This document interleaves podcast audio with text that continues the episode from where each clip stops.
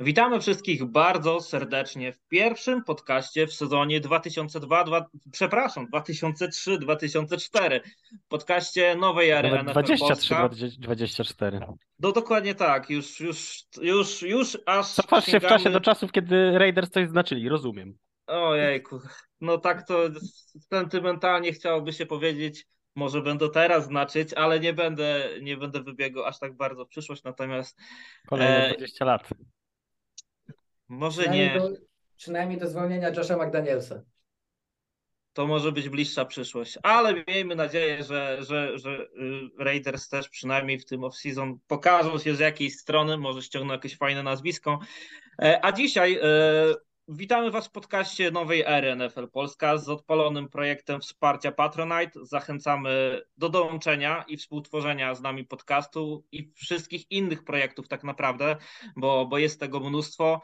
E, Nawet dzisiaj już warno, ważną część podcastu zbudowali nam nasi patroni, między innymi Maciej Krzywda, który jest e, w naszej najwyższej cegiełce wsparcia.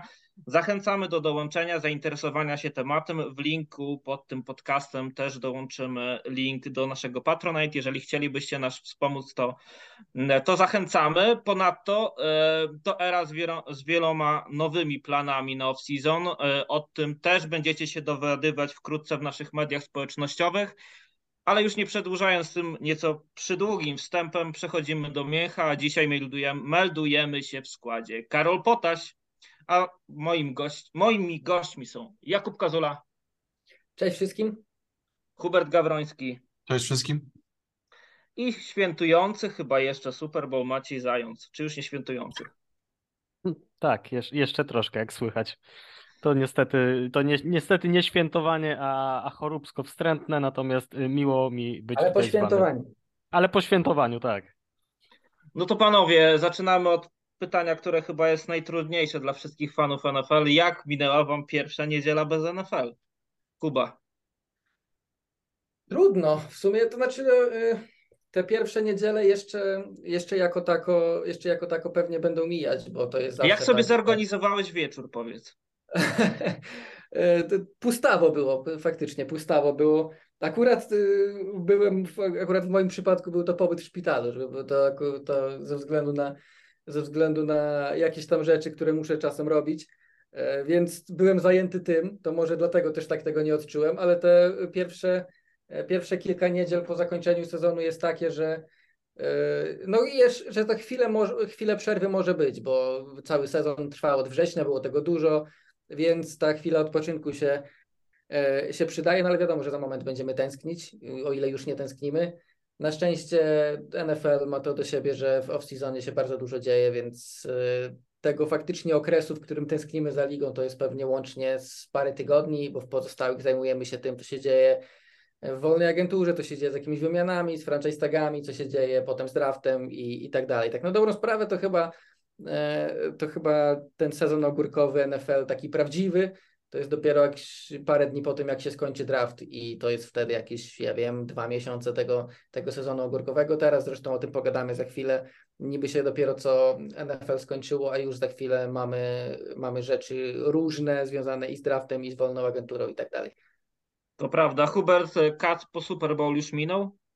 Wiesz co, tak, e, ja jakoś tego, te, tego meczu, ja jest, tej porażki nie przeżywam tak bardzo, biorąc pod uwagę, że jak bliski mecz był, e, jak mówiłem w ostatnim podcaście, to jest, to, to jest, to jest I ból. też ta porażka pewnie nie boli aż tak, bo to okienko na Super Bowl nadal jest otwarte Tak, tak, jest. I tak samo jak u was, to to jest, nasze drużyny, jest prawdopodobne, że się mogą spotkać jeszcze, jeszcze raz, dwa razy może w Super Bowl i, i to, i to, to wcale mnie by nie zdziwiło, więc y, no na razie mnie ciekawi tylko, co zrobią z rosterem, tak jak y, Kuba mówił, co się będzie działo w przyszłych miesiącach, więc, więc nie jest tak źle. Jeszcze, jeszcze, jeszcze sobie radzę. A jak u ciebie Maciek okoliczności? No, ta, tak jak powiedział Kuba, e, no, to, to jeszcze nie jest ten moment, kiedy, kiedy jakoś strasznie czujemy, że to, to, to NFL się faktycznie skończyło, bo jeszcze cały czas są jakieś, jakieś takie po-Super Bowlowe wrażenia różnych ludzi, co, co jakiś czas są wrzucane różne materiały. jeszcze zaczyna się to takie gotowanie tematu przed free agency, przed draftem, więc cały czas to NFL gdzieś dookoła jest i, i mimo, że samego meczu nie było w tą niedzielę, to jakoś tak aż strasznie, strasznie tego nie odczułem, bo, bo po tych emocjach, które były, może nawet taka chwila przerwy się przyda. A jak zareagowałeś e, na tą informację, która wczoraj nam się w sumie pojawiła, że Netflix produkuje serial, chyba już wyprodukował nawet ten serial, a teraz go tylko obrabia, e, z Patrickiem, między innymi Patrickiem Mahomesem przez cały sezon. E, no tak. Po, poza tym Markus Mariota. Tak, najlepszych rozgrywających w lidze. I Kirk Cousins. rozgrywających w lidze Kirk Cousins, Marcus Mariota i, i Patrick Mahomes, tak. Patrick Mahomes to już taka doczepka, no już powiedzmy, że w 3 no, w top 3. Tak, tak na, na, siłę, bo, bo pasowało Kirk Cousins, ma dzieci, Marcus Mariota, y, pojawiło mu się dziecko. Jest w Hawaju, więc może po prostu Patrick chcieli Mahomes ruszyć. Hawaje pokazać, też ma, tak, więc... chcieli Hawaje pokazać. No i, i super, I, mi się to podoba. Nie, a tak poważnie to, to może być naprawdę fajny, fajny serial. Bo z tego, co, co patrzyłem, to ma być w formie serialu albo, albo coś mi umyka. No nieistotne. Puenta jest taka, że bardzo, bardzo czekam, bardzo jestem ciekaw, jak to będzie zrealizowane. Biorąc pod uwagę, że te około sportowe produkcje Netflixa, e, jak chociażby ta dotycząca Formuły 1, były naprawdę udane, to spodziewam się czegoś, czegoś, czegoś fajnego i może czegoś, co troszkę tą bańkę NFL w Polsce pomoże rozbudować, bo mimo wszystko Netflix nadal jest popularnym streamingiem. A, a co by nie mówić, ten chociażby właśnie ten wspomniany serial dotyczący Formuły 1 troszkę chyba wpłynął na popularność yy, tego sportu w Polsce. Przynajmniej takie odniosłem wrażenie. To prawda, oni zresztą bardzo wchodzą w te bardzo różne, ale medialne mimo wszystko w Stanach Zjednoczonych sporty. E, Teraz też Było... coś chyba na temat golfu, golfa produkują? Tak. tak I jest mi mignęło. Jeśli chodzi, o, jeśli chodzi, ogólnie mówi się o tym, że często się mówi, że Netflix trochę traci ze swoją ofertą, jeśli chodzi o seriale i tak dalej, w, jakościowo w kontekście do innych platform, ale jeśli chodzi o sportowe dokumenty, no to moim zdaniem Netflix jest wyraźnie na pierwszym miejscu. Nie wiem, czy widziałem jakikolwiek zły w ich wykonaniu, a jeśli biorą się za to mocno i wkładają w to duże fundusze, tak jak myślę jest tutaj, e, no to myślę, że mamy na to czekać zdecydowanie. Tak, no mają też między cały innymi... sezon, cały sezon z Markusem Mariotą to, to jest coś, co warto będzie zobaczyć. Pewnie ostatnich, kto wie. Może, może... Ja, bym, ja bym bardzo chętnie zobaczył e, w takim programie Arona Rodgersa i jego 4 dni w ciemności. Nie jestem pewien, Ale... czy ludzkość jest na to psychicznie gotowa. I chyba w trakcie sezonu nie, do tych ciemnic nie ucieka, ale tego nie wiem, w sumie nie znamy, a może byśmy poznali Arona Rodgersa, może w kolejnym sezonie, jeżeli wróci. W kolejnym sezonie na Injury Report w środę nieobecny Aaron Rodgers siedzi w ciemności. Tak. Już, już wyszedł, już wyszedł z tej ciemności. Tak, teraz tak. już tak, tak. Gdzieś były informacje. Emerged out of the darkness, jak to ładnie ktoś ujął, więc y, czekamy, co tam wymyślił, bo na pewno, bo na pewno będzie śmiesznie. Tak, obudził się w rzeczywistości, gdzie już e, Derek Carr jest zwolniony i przymierza się do Jetsa. Gdzieś właśnie pojawiły się jakieś informacje, że. Co prawda wiadomo było, że to się tak, że to się tak nie wydarzy, stary, że ci przerwę, ale ja bym się śmiał, jak on by e, po tych czterech czy tam pięciu dniach wyszedł i się okazało, że wszyscy rozgrywający już mają swoje miejsce, tylko dla niego nie ma. Tak, tak, właśnie o tym chciałem dowiązać, że mogło się to wszystko tak rozwinąć, że wszystkie stołki były pozajmowane. Ciekawe, jakby, jakby Aaron Rodgers zareagował na to i, i może wróciłby wtedy znów do swojej ciemnicy. Tak czy inaczej, e, przechodzimy do Miecha, e, bo jeszcze tuż tak naprawdę po, po, po, po zakończeniu Super Bowl, ale i chwilę przed tym Super Bowl bardzo promowany był start ligi XFL. E, dużo reklam, naprawdę fajnie opracowano to e, marketingowo przed pierwszym tygodniem. No i jesteśmy po pierwszym tygodniu Ligi, Ligi XFL. Jak wszyscy um, też wcześniej przed jakby nagraniem rozmawialiśmy, to wszyscy obejrzeliśmy przynajmniej fragmenty e, tych spotkań, tego pierwszego inauguracyjnego tygodnia. No i panowie, e, może nie będziemy mówić o samych spotkaniach, ale pomówmy o wnioskach z tych spotkań. Co Wam się podobało w tym, e, co widzieliście w lidze XFL, a czego nie chcielibyście widzieć w ogóle w futbolu zawodowym może, a może po prostu w lidze XFL, co, co przeszkadza w budowaniu tej marki, bo to jest jakby liga XFL 3.0 po tej przerwie, Ja mam swoje wnioski, ale najpierw e, poproszę Was, żebyście Wy się tymi wnioskami podzielili. Może Hubert najpierw tym, jak to okiem ze Stanów Zjednoczonych widzisz? Wiesz co, ja, ja ogólnie te mecze, jak chodzi o, o jakość meczów, to jest, wyobraźcie sobie, y, trzeci mecz y, preseasonowy w NFL w czwartej kwadrze. To jest ten poziom. To jest dokładnie ten poziom futbolu. Ym, tam są piłki rzucone w złych miejscach cały czas przez quarterbacków. AJ McCarron chyba jest najlepszym quarterbackiem. I, No i tak zagrał dobrze, tylko końcówkę. no, tylko tą końcówkę, więc tam jakiejś nie wiadomo jakiego y, poziomu nie szukajcie. To jest futbol oczywiście, to się ogląda, my to kochamy. Tam i, był przez chwilę e, wybrany w pierwszej rundzie rozgrywający. Tam był przez chwilę tak. futbol. Paxton Lynch. Już go nie ma. Był, bo to jest czas przeszły. Został zwolniony z wszystkich zawodowych lig w Stanach Zjednoczonych. Pax, To jest Paxton wyczyn. Lynch to, to, jest, to jest niebywały talent. Paxton ja, Lynch ja to chciałbym mieć taką karierę jak Paxton Lynch. Tak, Być wybrany w pierwszej rundzie? Posadzony na ławce w czterech różnych ligach. Ja, ja, ja to doceniam, że został Nie każdy tak umie. Tak, On- NFL, XFL, Nikt nie ma- USFL. nikt, nikt nie ma futbol tak głęboko w dupie jak Paxton Lynch.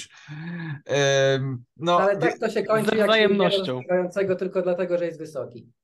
Tak, on tylko jest wysoki i widziałem. e, To jest jeden z tych zawodników, dlatego teraz ja się śmieję, jak patrzę na tych wszystkich e, filmiki z Will Levis albo, albo Anthony Richardson, te, te wszystkie filmiki, co wstawiają na so, social media, to jest po prostu dla mnie nic nie znaczy. Dla mnie to absolutnie nic nie znaczy. Paxton Lynch wstawił jakieś filmiki też przed, przed draftu, jeszcze do NFL, jak był wybrany w Broncos. No i to wszystko tak pięknie wyglądało, bla, bla, bla i teraz już nie gra nawet w XFL, więc jak oglądacie te filmiki, to nie ma co nawet myśleć o tym, e, bo A w relacjach jakoś... podraftowych, tak tylko dorzucę, że w relacjach podraftowych e, była informacja o tym, że bardzo go chcieli Dallas Cowboys, e, ale jakby Broncos ich wyprzedzili i kosztem tego, że nie udało im się wybr- wybrać Lyncha, to wybrali Daka Prescotta. No, i Jerry tak- Jones też lubi wysokich rozgrywających, więc tu akurat się Cowboys udało, że czasem, czasem, czasem Ale tak to, to, że Jerry Jones nie współpracuje z Elwayem, to dla mnie jest dziwne. Oni powinni we dwóch stworzyć jakąś taką wielką jakąś burzę mózgów. wielkiego rozgrywającego, po prostu seven footera, jakiegoś dwa metry. Ponad. Oglądałbym to. O, naprawdę oglądałbym e, takie nagrania z pokoju, w którym Jerry Jones i John Elway rozkminiają rozgrywających. Może, może To poruszę... byłoby coś. Może poruszę, co, co mnie tak naprawdę ciekawi w tym wszystkim, yy, bo oprócz, oprócz to, co teraz powiem, nie jest wiele w tym.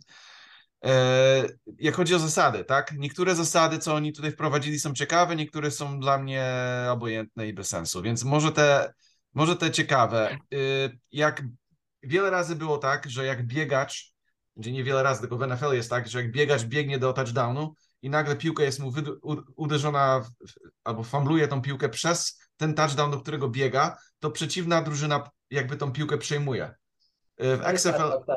tak Mhm. jest, a teraz tak nie jest w XFL. Te, to jest tak, że odzyskują piłkę chyba na 20 yardzie, ale nie tracą tej piłki, więc jak futbol przelatuje przez touchdown, jest sfamblowany, to nadal ta piłka zostaje do tej drużyny, co sfamblowała ją, co mi się wydaje, że jest to, to się zgadza, bo I czemu... tutaj e, też dodam, bo e, to było pytanie e, jednego z naszych patronów dotyczące właśnie, co byśmy chcieli implementować e, z ligi XFL czy USFL do tego zawodowego sportu, zawodowej ligi. I ja tutaj się też podpisuję, ta zasada mi Bardzo się się bardzo cieszę, podoba. że od, od, odgraniczamy XFL od zawodowego sportu w postaci futbolu. Ale nie, tak poważnie, w ogóle sam fakt, że ta zasada nadal istnieje w NFL jest dla mnie, dla mnie szokujący. Jasne, to zdarza się raz na dwa sezony pewnie, Ale jak się zdarzy, ale to wkurza. zdarza się i, i jest potwornie frustrujące, bez względu na to, czy to jest dla twojej jest drużyny, cały czy przeciwko te- twojej drużynie. Za każdym razem ta sama sytuacja. Zdarza się to. e, Cała liga rozmawia o tym przez cały tydzień, potem wszyscy o tym zapominają. Za rok znowu się zdarza, raz w sezonie znowu o tym rozmawiamy i tak to się w kółko. Jak To nie jest chyba wystarczająco ważne, żeby wprowadzić, jakby to się stało No to trzy znaczy, razy w jednym rzadko się sezonie. zdarza pewnie, To- no. Tak. M- Musimy poczekać do momentu, kiedy to się zdarzy, nie wiem, w Super meczu playoffów Tak. albo w Super Bowl i to będzie decydowało o wyniku faktycznie. Tak. No bo, bo póki to dzieje się w week 3 i nie ma wpływu na absolutnie nic, no to będziemy tą zasadę mieli, bo ona nikomu nie przeszkadza jakoś strasznie. Tak, no bo dzieje tak. się raz na Podobnie z nigdy, ale... dogrywkami przecież było, nie? Bo Tak, też ale- e, Tak, no dogryw, dogrywki to akurat faktycznie w Ja nie powiem po jakim meczu te dogrywki było. zaczęły nagle przeszkadzać. Tak. A po jakim było wszystko Bills. No zaczęły, zaczęły, przeska- za- zaczęły przeszkadzać Maciek po, po meczu, w którym Chiefs przegrali, tylko że wtedy jeszcze tego nie przepchnęli. To prawda. Ci- Chiefs spróbowali, nikt nie pomógł. Tak, wtedy nie przepchnęli, ale tu akurat wychodzą też zasady, bo nawet y, ta zasada, o której mówimy, o której powiedział Hubert z tym famblem wędzą, że to jest piłka dla obrony, sprawia, że trenerzy mają specjalne zasady. Na przykład ze względu na to, jeśli dobrze pamiętam, y, Bill Belichick tłucze do głowy swoim zawodnikom, że nie mają prawa, y, kiedy są przy goal line, robić tego wysięgnika, czyli wyciągać piłki z ręk, y, wyciągać ręki z piłką w stronę end zone'u, kiedy są blisko, chyba że jest to czwarta próba albo, albo końcówka meczu. To jest jedyny, jedyny, jedyny powód, bo no właśnie można to zrobić, to co, to co Hubert powiedział. Ja jeśli chodzi o zasady, no to ja nieustannie jestem fanem y, grania onside kicku jako jednej zwykłej akcji typu czwartej Tak. próby i tam Tak, tu też Jest to piękne. I chcę Tylko, tego w że- NFL. Tylko, że dałbym, dałbym zdecydowanie więcej yardów niż dali w XFL, bo czwarta próba i 15 to brzmi jak coś, co Patrick Mahomes robi 3 razy na 4, więc yy, to musi być troszkę trudniejsze. Nie no, tam- zabrali Tyrika Hilla. Nie, no, ja, ja, myślę, cztery. ja, nie, ja nie myślę, że czwartej 15 jest tak źle. To, to jest, Nie, mi się wydaje, że, przynajmniej- że powinno być 20, żeby to faktycznie... okej, 20 jeszcze pasowało do- przełknę, ale Okej. nie jakieś czwartej 30. Czwartej 20 to ci jest dam. takie miejsce, bo 4 i 15 to jest takie Hmm. miejsce, gdzie jesteś w stanie w zasadzie w każdej drużynie znaleźć gościa, do którego rzucasz 15 i on to łapie zawsze. Tak, no tak. mam wrażenie, Trochę, trochę to jest, jak jeśli ma być to alternatywa do onside kicku, no, który jest bardzo, bardzo trudny, No właśnie. E, No. To niech to chociaż będzie tak, y, no może nie aż tak bardzo trudne, ale trudne, bo czwarta próba i taka jedna próba i 15 yardów do przejścia, to w tej lidze, która jest coraz bardziej podaniowa i coraz więcej mamy tych świetnych rozgrywających, to wydaje mi się, że to, się, to jest takie średnio trudne, więc chociaż parę yardów bym do tego dorzucił. Tak, ale ogólnie to jest ta druga zasada, którą bym wprowadził, co, co tak, no jest ciekawa, bo onside kick jest y, tak naprawdę udany, nie wiem, dwa razy w roku, trzy razy w roku w NFL, a jednak y, to by było troszeczkę bardziej interesujące, jakby taka akcja może troszeczkę lepszo możliwa do wykonania, by, by troszeczkę te mecze jakby jeszcze bardziej zintrygowały, jakby były udane, więc Zresztą w Sprawdziłem, tym meczu nawet. sprawdziłem szybko.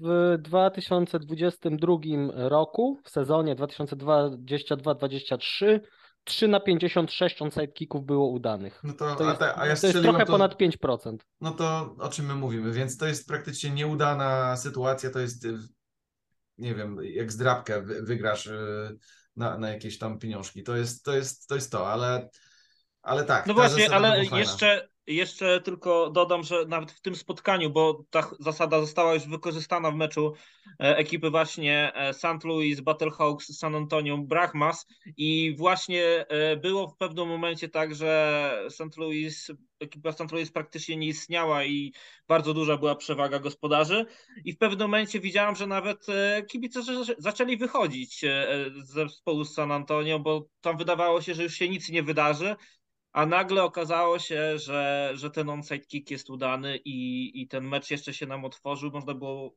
fajnie powalczyć jeszcze w tym meczu i naprawdę ta końcówka przejdzie pewnie do historii tej ligi, bo to końcówka, która była pokazywana pewnie we wszystkich mediach.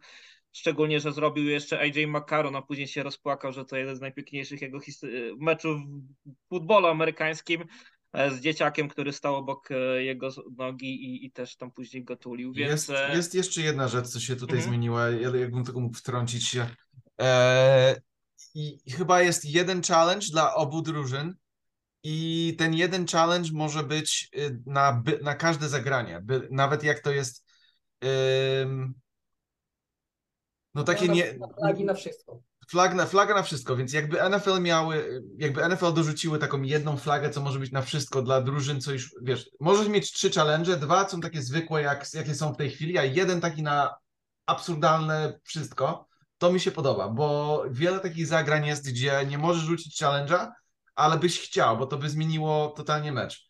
Więc No, ogólnie pomysł, pomysł, jest, y, pomysł jest bardzo dobry, tylko że w NFL może być z tym problem, bo wiemy, że w NFL ego tutaj sędziom nie do końca pozwalało i, i przez to już nie mamy challenge'ów na, na defensive pass interference i offensive pass interference, bo nawet jeśli one były dość oczywiste na powtórkach, to okazało się potem, że sędziowie po tych challenge'ach i tak nic nie cofali, więc i dlatego, dlatego cofnęli te challenge, więc pomysł jest bardzo dobry, ale sędziowie musieliby podejść do tego, w NFL sędziowie musieliby podejść do tego uczciwiej, że tak powiem. No, ja myślę, że nadal trzeba to wtrącić im, bo, bo to po, polepsza jakość meczu, no nie? To po, polepsza y, wynik, y, sprawiedliwość i tak dalej. Ja nie, aż absolutnie nic nie mówię do Super Bowlu, ja wiem, że to był Bolt naprawdę, ale i, i ta flaga by nic nie zmieniła, raczej jakby tam egzystowała, ale, ale, jak, ale, to, to, to, ale jest to takich sytuacji, gdzie to takie zagrania bardzo bliskie mogą, mogą być zmienione. Tylko, że właśnie wydaje mi się, że wydaje mi się właśnie, że ta sytuacja z Super Bowl, nawet jeśli o tym powiemy, to właśnie byłaby sytuacja, w której sędziowie by nie zmienili decyzji, bo stwierdziliby, że są mądrzejsi i jeszcze więcej byśmy o tym rozmawiali. Ja myślę, Możliwe. Że, nie, ja myślę, że jak, jak, jakby, jakby rzucili tą flagę, ja by nie zmienili, ja bym się z tym zgodził, bo tam, tam, tam wszyscy, wszyscy jednocześnie powiedzieli, że złapał go, złapał go. No i, i ta flaga by się działa, nie ma problemu. Znaczy nie, ale już wtedy ta flaga, która była y, pod koniec chyba pierwszej połowy, już mogłaby być wtedy, y, co wtedy też widzieliśmy, że był ten holding, a na, właśnie też na Juju. Tam też był Y, holding na Juju, tak. I tam, nie, Strategicznie... I tam nie był rzucony i dla mnie to jest problem, znacznie poważniejszy tak naprawdę, bo być może wtedy po prostu zawodnicy Eagles stwierdzili, ok, czyli takich, takich miękkich holdingów nie rzucają w tym meczu. Brak No Tak, bo w konsekwencji. ogóle nie I I rzucali. brak holdingu. Jest czymś, co najbardziej frustruje w sędziowaniu w NFL. W ogóle to była chyba, nie wiem, czy to nie była Pierwsza która- kwadra, pierwsza kwadra. Nie, chodzi mi, że ta flaga w czwartej kwarcie na sam koniec to była w ogóle chyba, nie wiem, czy nie pierwsza, czy druga flaga w meczu w ogóle? A nie, były, sorry, były za delay of game, ale Były- na pewno jeśli chodzi o holding i tak dalej, no to, to była Tak, pierwsza. to pierwsza. Nie było Tak, żadnych DPI i holdingów. DPI-ów i tak dalej, to była chyba pierwsza, ewentualnie druga flaga, bo naprawdę tamtych flag w meczu nie było dużo, ale, ale no, no brak konsekwencji po raz kolejny boli u sędziów. No, Okej, możemy ale a propos ogródka, mówić. o, a propos ogród, ogródka sędziów, bo co z tą flagą? Wiemy, że fajnie by było, żeby było, ale pewnie będzie trudno ją wprowadzić. Natomiast wydaje się, że całkiem fajną propozycją jest e, komunikacja sędziów z wozem i to wszystko słyszymy. Widzimy, jak przebiega ten cały proces decyzyjny, jeśli chodzi o daną sytuację i dlaczego jest flaga. E, później to wszyscy, nie dość, że kibice słyszą oglądający ten mecz w telewizji, to też wiem, że na głośnikach też to była jakby ta transmisja i wszyscy mogli to śledzić. To też chyba jest coś takiego, co nie wiem, czy to w lidze NFL by się przyjęło, bo pewnie wydłużyłoby to trochę mecz. E, Ta, Znaczy, ca... wydłużyć to może by nie wydłużyło, bo jeśli oni i tak rozmawiają, to wystarczy po prostu dać tam mikrofon i byśmy to słyszeli i tyle. I same, samego procesu by to nie wydłużyło. Pytanie, czy NFL by chciało? Moim zdaniem na pewno by nie chciało, żebyśmy my te rozmowy słyszeli, bo y, bę- będzie potem roz, y, rozmienianie na czynniki pierwsze każdego słowa sędziego i czy czasem y, mówiąc to zdanie nie miał na myśli, żeby pomóc tej drużynie na przykład.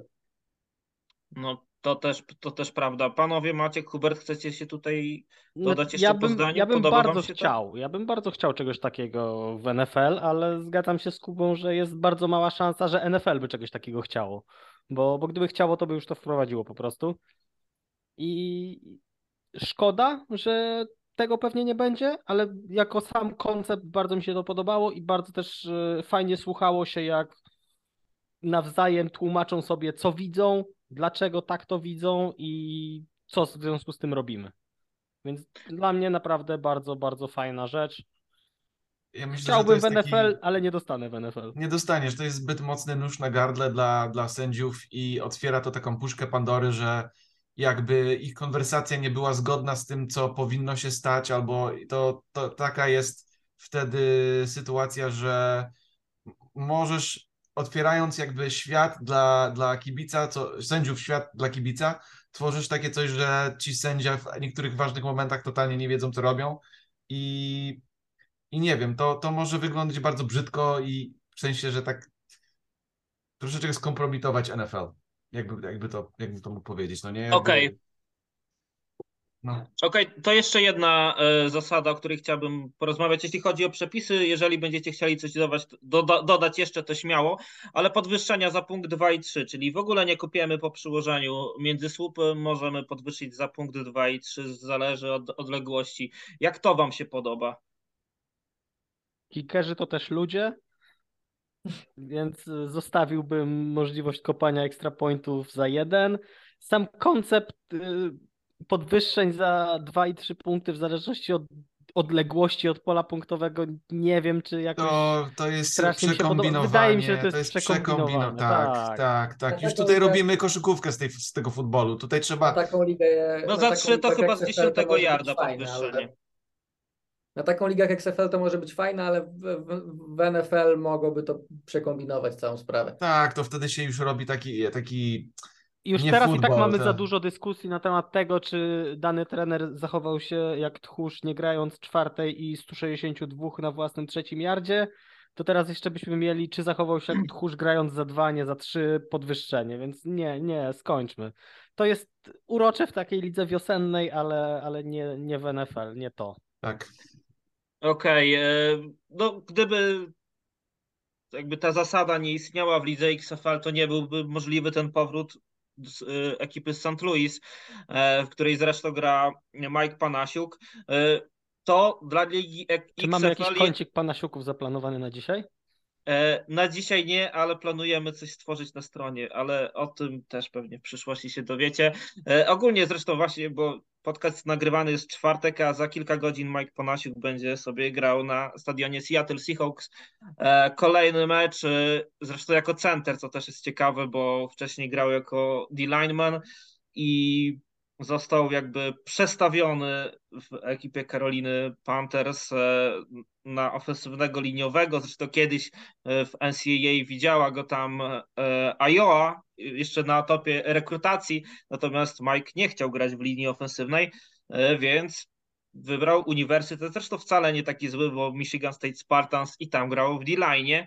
E, No i tak też trafił później do Raiders, a, a później jak już Raiders e, sobie no, rozstali się z Mike'em, to dołączył do Caroliny Panthers i, i oni chcieli go jednak jako ofensywnego liniowego. Przestawił się i w tym meczu przeciwko e, San Antonio Brahmas był chyba jednym z najlepszych ofensywnych liniowych, ale bardzo dużo problemów ogólnie wszystkie drużyny miały z ofensywnymi liniowymi i z No, graniem to, tej akurat, to akurat normalne, bo jakościowych, jakościowo, przede wszystkim u liniowych dość łatwo, dość łatwo widać, jak ktoś nie gra na wysokim poziomie, a tak tych grających na wysokim poziomie jest naprawdę wielu. Jeśli ktoś potrafi grać na linii, to zazwyczaj gra w NFL, mówiąc w skrócie. No i zgrania nie było, nie było czasu na zgranie, bo z tego co czytałem, to drużyny przed pierwszym spotkaniem około 5 tygodni tylko trenowały ze sobą, więc to też jakby ci zawodnicy dochodzili na bieżąco, też no jakaś ta rekrutacja na pewno w tym przynajmniej w sezonie nie była najłatwiejsza, no może w tych przyszłych kolejnych będzie lepiej. Ale Ekip- ogólnie, jeśli chodzi o linię ofensywną, to chyba w tych mniejszych ligach, które nie czerpią z najlepszych na świecie, to jest, jest pewnie największy problem, bo też tych liniowych potrzeba bardzo wielu, a fakt, tak jak mówię, jakościowych jest mniej niż na innych pozycjach. Zresztą to widzimy po innych ligach, bo w USFL było podobnie i w IFL w Europie też widzimy, że sporo drużyn męczy się z liniowymi, więc no to jest po prostu, przepraszam, to jest po prostu szeroko zakrojony futbolowy problem poza NFL, a i w NFL masa drużyn się z tym męczy, bo nie jest bo nie mamy aż tylu liniowych na topowym poziomie. Dokładnie. W ekipie DC Defenders, e, czyli ekipie z Waszyngtonu, gra brat Majka Panasiuka, czyli Jakub Panasiuk. Przez e, dłuższy czas gdzieś tam przymierzał się do gry w lidze NFL. Ostatecznie nie udało się zostać wybranym w drafcie. Trafił do ekipy Washington Commanders w NFL jako niewydraftowany wolny agent. Tam, gdy go wycięto, to e, lokalnie dołączył do drużyny DC Defenders, zo- pozostając w stolicy e, Stanów Zjednoczonych. No i zobaczymy, jaka będzie przyszłość i jego, i Majka, i wielu innych zawodników, bo też nie ma co ukrywać. Liga kończy, y, zaraz to doprecyzuję, ale na e, jakoś w maju już, już ja wam mówię, e, 3 maja bodajże. em, w San Antonio gra swój finał, no i później zawodnicy są wolni, mogą dołączać do ligi NFL, więc pewnie wielu tych zawodników, którzy wyróżnią się w lidze XFL, dana zostanie im też szansa, by pojawić się na kampie ligi XFL, e, ligi, ligi, ligi NFL oczywiście, e, a na boiskach e, XFL zobaczymy m.in. Geronimo Alisona z takich nazwisk, które możemy gdzieś tam kojarzyć. E, Tobie Maciek dobrze znany Jordan Tiamu. e, też e, Wielka, wielka gwiazda, odbił się od practice składu Chiefs, niesamowity talent, ale ja myślę, że z takich poważniejsze nazwiska też się tam na szczęście pojawiają. Jest Josh Gordon, wielka, Tak. wielka gwiazda, człowiek, który zmarnował niesamowity talent. Vic Beasley, e, Luis Perez Gucci, Dinucci. Tak, no Paxton Lynch był też taką podobną gwiazdą, ale okazało się, że, że jednak nie. No i przede wszystkim e, Liga XFL jest taką szansą też dla tych miast, które bardzo by chciały mieć ligę NFL, a nie mają tej ligi NFL. No i tutaj mówimy przede wszystkim o St. Louis, e, o mieście, które zostało pozbawione ligi NFL, bo Rams przynieśli się oczywiście do Los Angeles. Natomiast e, ten cały stadion został i, i jakby miasto zostało trochę okradzione z ligi e, NFL-a. Jest ten obiekt na 66 tysięcy i z tego, co gdzieś czytałem już w mediach, to bardzo się wszyscy nakręcają na zrobienie najlepszej e, frekwencji w sezonie średniej, ale na ten pierwszy mecz możliwe, że nawet będzie gdzieś pod komplet, więc no, to będzie też ciekawe, jeżeli aż tylu zbiorą fanów, bo no, to miasto kochało, czy może nawet kocha dalej Ligę NFL, ale, ale Rams już e, kocha, kochali St. Louis niekoniecznie. To jest, E, to jest zresztą mhm. chyba, to jest według mnie y, jedna z większych przewag, jaką ma XFL nad USFL, że oni faktycznie szukają tych miast, gdzie NFL nie ma i gdzie takie drużyny mogą się przyjąć, bo USFL ten pierwszy sezon w ogóle rozegrało prawie wszystko w, w jednym w jednej dziurze, mówiąc kolokwialnie, i teraz ten drugi, jeśli dobrze pamiętam, to też nie będzie jeszcze jakoś rozrzucony, a poza tym to i, ta, to i tak są drużyny z miast, które no, w większości, które mają gdzieś albo w, nawet w samym mieście y, drużynę NFL, albo gdzieś w okolicy na to, to moim zdaniem z góry spisywanie się na to, że ludzie nie będą zbytnio zainteresowani, kiedy to będzie drużyna numer No dwa. ja tutaj mam wyniki oglądalności na stadionach XFL, wyniki y, obecności na stadionach, może lepiej tak. Y, Na meczu w Arlington to był mecz, tak? Ten Vegas, ko- Tak, Vipers tak. kontra, tak? To tam było 12 tysięcy z drobnym hakiem. W Houston było niecałe 13. y, Na DC Def- Defenders było 12,5. A w tym meczu St. Louis przeciwko San Antonio było prawie 25 tysięcy. Więc no nie Tak. są to jakieś niesamowite wyniki urywające, nie wiadomo co, ale no, jak na ligę wiosenną całkiem przyzwoite, zwłaszcza to 25 tysięcy. Tak, no i ogólnie San Antonio, e, znaczy tam był, ogólnie była wyłączona chyba ze sprzedaży ta górna część stadionu, ale tam będzie rozegrany właśnie finał. E, I 5 maja w międzyczasie sprawdziłem. E, no, jest potencjał na, na finał. Podobno ma być otwarty cały ten obiekt, a może pomieści 64 tysiące fanów. Więc gdyby udało się coś takiego w tym pierwszym sezonie, ale tej ligi XFL 3.0, bo tak to trzeba e, nazywać, z nowym właścicielem, gdyby udało się te 64 tysiące fanów zebrać, to myślę, że byłoby to, byłoby to spore wydarzenie, a też warto podkreślić, że e, jeśli chodzi o oglądalności telewizyjne, to w tej kolejce Liga XFL obroniła się i to naprawdę bardzo fajnymi cyferkami, rywalizując między innymi e, z Weekendem Gwiazd Ligi NBA czy Daytoną. Mm, Ten mecz, o którym mówiliśmy najdłużej chyba, czyli San Antonio Brahmas kontra St. Louis Battlehawks, e, co prawda był on otwarty dla prak- praktycznie każdego, bo jakby realizatorem tych transmisji jest E ESPN, ale akurat ten mecz, mecz można było obejrzeć na ABC. No i tam zebrał ponad półtora miliona e, oglądalności, natomiast taki e, też mecz NBA All-Star Game e, w niedzielę e, zebrał 3,7 miliona. To takie porównanie, które pokazuje, że wcale nie jest aż tak tragicznie. E, Ten pierwszy mecz, inaugurację Vegas Vipers kontra Arlington Renegades, e, też prawie e, półtora miliona widzów. E, Pozostałe spotkania też blisko milion. Gdzieś tam widać, że to jakby to miejsce chyba dla takiej ligi wiosennej jest, ale tutaj też uciekam właśnie do Was, bo mamy też ligę USFL. E, Odbył się draft tej ligi i tak naprawdę i liga XFL i USFL rywalizują o ten sam rynek. I jakie jest w ogóle Wasze zdanie, y, zanim przejdziemy do draftu USFL, bo to też mieliśmy pytanie od od jednego z patronów. E, co wy sądzicie o tym, że te dwie ligi rywalizują o tego samego widza tak naprawdę, nie do końca widza ligi NFL? Czy to jest dobre rozwiązanie? Znaczy, ja się nie zgodzę, że nie do końca li widza ligi NFL. Moim zdaniem one rywalizują właśnie o widza ligi NFL, tylko takiego bardzo mocno zaangażowanego, takiego, który faktycznie będzie, będzie mu brakowało futbolu do tego stopnia, że będzie oglądał futbol na trochę niższym poziomie, a podejrzewam, że w Stanach takich potencjalnych widzów jest wystarczająco dużo, żeby te ligi się przy odpowiedniej mm, powiedzmy koniunkturze utrzymały, no bo ludzi, którzy są nazwijmy to uzależnieni od futbolu w Stanach nie brakuje, tylko trzeba by do nich w sensowny sposób dotrzeć, zwłaszcza, że trochę to, co powiedział Kuba, moim zdaniem, może być problemem USFL, czyli miejsca, bo, bo w Stanach jest sporo miejsc bez futbolu na poziomie, powiedzmy, najwyższym, gdzie można by te drużyny upchnąć. XFL to zrobiło, USFL średnio, no i mam wrażenie, że to może być dla nich, yy, to może być dla nich główny, główne źródło ewentualnej porażki.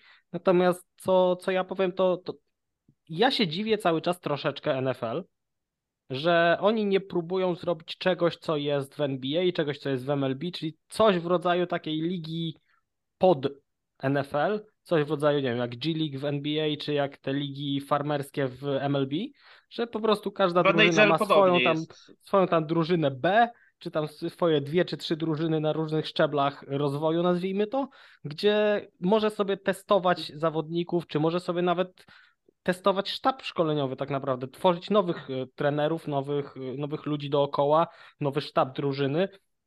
I trochę się dziwię mimo wszystko, że, że to nie powstaje, ale z drugiej strony może są pewnie, są pewnie ku temu jakieś powody i, i nie bez powodu ludzie mądrzejsi ode mnie uznali, że to nie ma sensu. Ja się z tobą totalnie zgadzam. Ja się z tobą totalnie zgadzam, że to powinno istnieć. Yy, taki, nie wiem, taki, nie wiem, może nie Trey Lance, ale taki Zach Wilson by w tysiąc procentach skorzystał z takiej ligi, gdzie może zejść do niższego deko poziomu, sobie odbudować troszeczkę pewność w siebie, w umie, umie, umiejętnościach i może odzyskać e, pozycję w NFL, więc e, to, że to nie istnieje i że nie ma przynajmniej jakiegoś takiego czegoś, że ok, może to nie jest de facto taki G-League, ale wysyłamy można zawodników do was. Można by wtedy bezkarnie ściągnąć tonę rugbystów z Australii i Nowej Zelandii i testować ich na liniowych. Oczywiście. Oczywiście, wszystko, wszystkie takie rzeczy można zrobić i to, i to... Kuba, czy uważasz, że świat tego potrzebuje? Ja bardzo chętnie, ale y, wydaje mi się, że organizacyjnie by było to ciężkie do udźwignięcia, biorąc pod uwagę, ile, ile byłoby to drużyn, ile byłoby zawodników w każdej, żeby no, to jakoś pogodzić. Wiesz, no to, e, to mogłoby być coś w rodzaju practice, rozbudowanego bardzo practice składu, tak? No. Tak, no. Ale wiemy, tak, jak już zawodnicy buntują się na grę w preseason, a co gdybyśmy dorzucili nawet tym mniej no, grającym 5-6 tak, spotkań fazy zasadniczej. Nie, no tak, ale bardziej chodzi o tych, wiadomo, co pewnie w ogóle by nie mieli szansy zagrać. No e, tak, Tylko, tak. Gdyby to było coś w rodzaju G-League, to pewnie musiałoby to trwać też w trakcie sezonu NFL. Tak. To by było trudne, tak. trudne do ogarnięcia wszystko naraz pewnie. To prawda, a mimo wszystko, no mówię, jakoś te ligi starają się gdzieś walczyć o tego klienta i w przypadku XFL tutaj robotę robi ESPN, jeśli chodzi o, o, o USFL, to tam angażuje się NBC e, i, i Fox. E, duże telewizje, duży, duży, duże partnerstwa, e, duże produkcje myślę, że jest spora szansa, że w tym sezonie i pewnie w kolejnym te ligi się utrzymają i zobaczymy, jak to będzie wyglądać. Natomiast e, no, jest to coś, co myślę, że wielu fanów potrzebuje, żeby mieć coś takiego, ale jakby sama koncepcja tych dwóch lig w tym samym czasie dla mnie gdzieś tam się burzy i myślę, że najlepszym byłoby momentem to, żeby gdzieś po jakimś jednym sezonie czy dwóch jednak e, i właściciele ligi XFL czy, i USFL przysiedli gdzieś do jednego stołu i jednak zbudowali jedną ligę, która by się po prostu fajnie oglądała i nie konkurowała ze sobą. Ale to jest melodia przyszłości pewnie kilku lat, bo teraz każdy ma swoją koncepcję i myślę, że, że też nie będą chcieli tak szybko od tych koncepcji i właściciele XFL i USFL Mimo wszystko, odchodzić. biorąc pod uwagę ostatnie dokonania obu tych lig, to sądzenie, że one obie przetrwają kilka lat, żeby potem się zacząć zastanawiać, co dalej, to jest duży optymizm. No, mocni partnerzy telewizyjni. Nie ma już, no wiadomo, pandemia gdzieś zatrzymała XFL, bo, bo ten pierwszy sezon też całkiem nieźle się oglądał, ale, ale też wyciągali wnioski, bo przecież była drużyna w Nowym Jorku między innymi, już teraz tam drużyny nie ma, bo zainteresowanie było żadne i właśnie poszli w inny rynek, więc to jest, widać, że gdzieś tam się to wszystko zmienia, zresztą w USFL też e, jedna z drużyn zmieniła swoją siedzibę, więc jest jakaś e, wizja tego wszystkiego i gdzieś tam starają się jakby właściciele tych drużyn e, komunikować między sobą i po prostu tworzyć coraz lepszy produkt, ale zobaczymy jak to będzie finalnie wyglądać. Natomiast mieliśmy pytanie od, e, od jednego z patronów dotyczące USFL draftu pierwszego w historii, bo ten pierwszy draft tak naprawdę który był tak naprawdę organizacyjny ligi. Nie był do końca tym draftem, który znamy z ligi NFL, bo tam mogliśmy rekrutować tak naprawdę wszystkich zawodników. Natomiast ten, który się odbył kilka dni temu, to był draft wyłącznie dla zawodników po lidze NCAA. I taka ciekawostka, bo pierwszy w historii, a już nie mieliśmy w nim jednej z ekip, ekipa, która pozyskała Kawonte Tarpina, dobrze wam znanego z Panthers Wrocław, zresztą MVP e, ligi USFL z zeszłego sezonu, New Jersey Generals, straciła pierwszą rundę ze względu na to, że za dużo zawodników pozyskała w off-season, jakieś nieprawidłowości kontraktowe, no i liga ukarała ich tym, że zabrała pierwszy pik. Natomiast e, taka mm, jakby dla mnie informacja, która gdzieś trochę burzy mi w ogóle draft i to jak budowane jest zaplecze USFL, to było ono tak mało promowane przez samą ligę, że nawet jeśli interesuje się tą ligą, a oglądałem dosyć sporo spotkań w ostatnim sezonie, mam polubione dużo, wiele drużyn gdzieś tam na jakichś Twitterach, Instagramach e, i tak dalej, to e, pojawiło się to dosyć nagle, nie było żadnego. Ja się o tym drafcie chyba dowiedziałem w dniu draftu, może dzień wcześniej i nie rozumiem w ogóle o co w tym wszystkim chodzi, ale może właśnie zostawię was z tym tematem draftu. Jakie wy macie wnioski po tym drafcie, bo szukaliśmy też zawodników z dużych uniwersytetów, ale tam trudno raczej ich znaleźć. No nie, to no tam, tam, tam byli wybierani ludzie, którzy najprawdopodobniej zdaniem general managerów drużyn USFL spadną poza draft NFL i raczej nie no będą undrafted free agent. Sytuacja to jest bardzo ciekawa sytuacja, w której e, zawodnicy słabsi są wybierani wyżej od zawodników lepszych.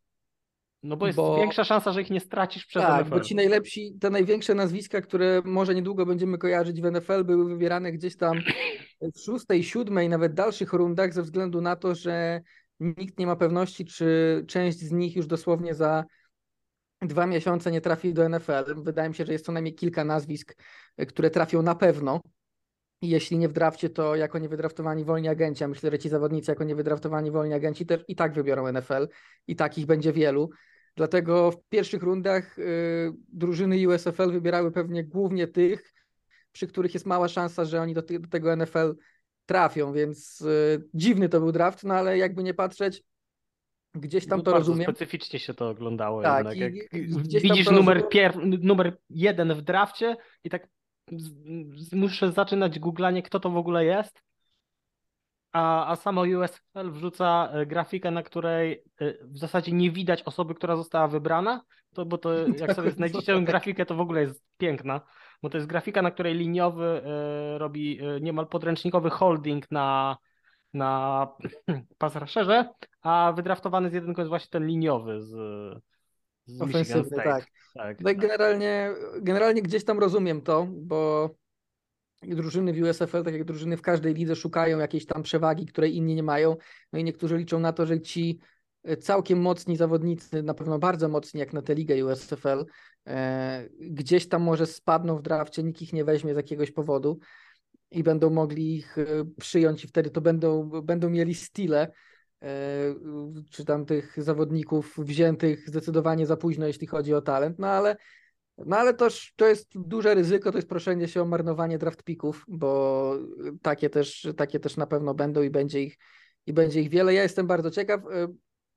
Ogólnie ten draft y, paradoksalnie z tego względu będę śledził dlatego, że chętnie zobaczę po drafcie NFL i po tym, jak już zostaną podpisani niewydraftowani wolni agenci, ilu zawodników z draftu USFL nam tam odpadnie y, i ilu będzie można wykreślić z tej listy przynajmniej na, na pierwszy sezon, bo znaczy może nie na pierwszy sezon, bo wielu niewydraftowanych wolnych agentów zostanie potem wyciętych, jeśli chodzi o kampy i będą mogli sobie spokojnie do USFL wrócić, no ale ilu zawodników będzie wydraftowanych chociażby, żeby, żeby mieć raczej pewność, że w USFL w przyszłym sezonie nie zagrają.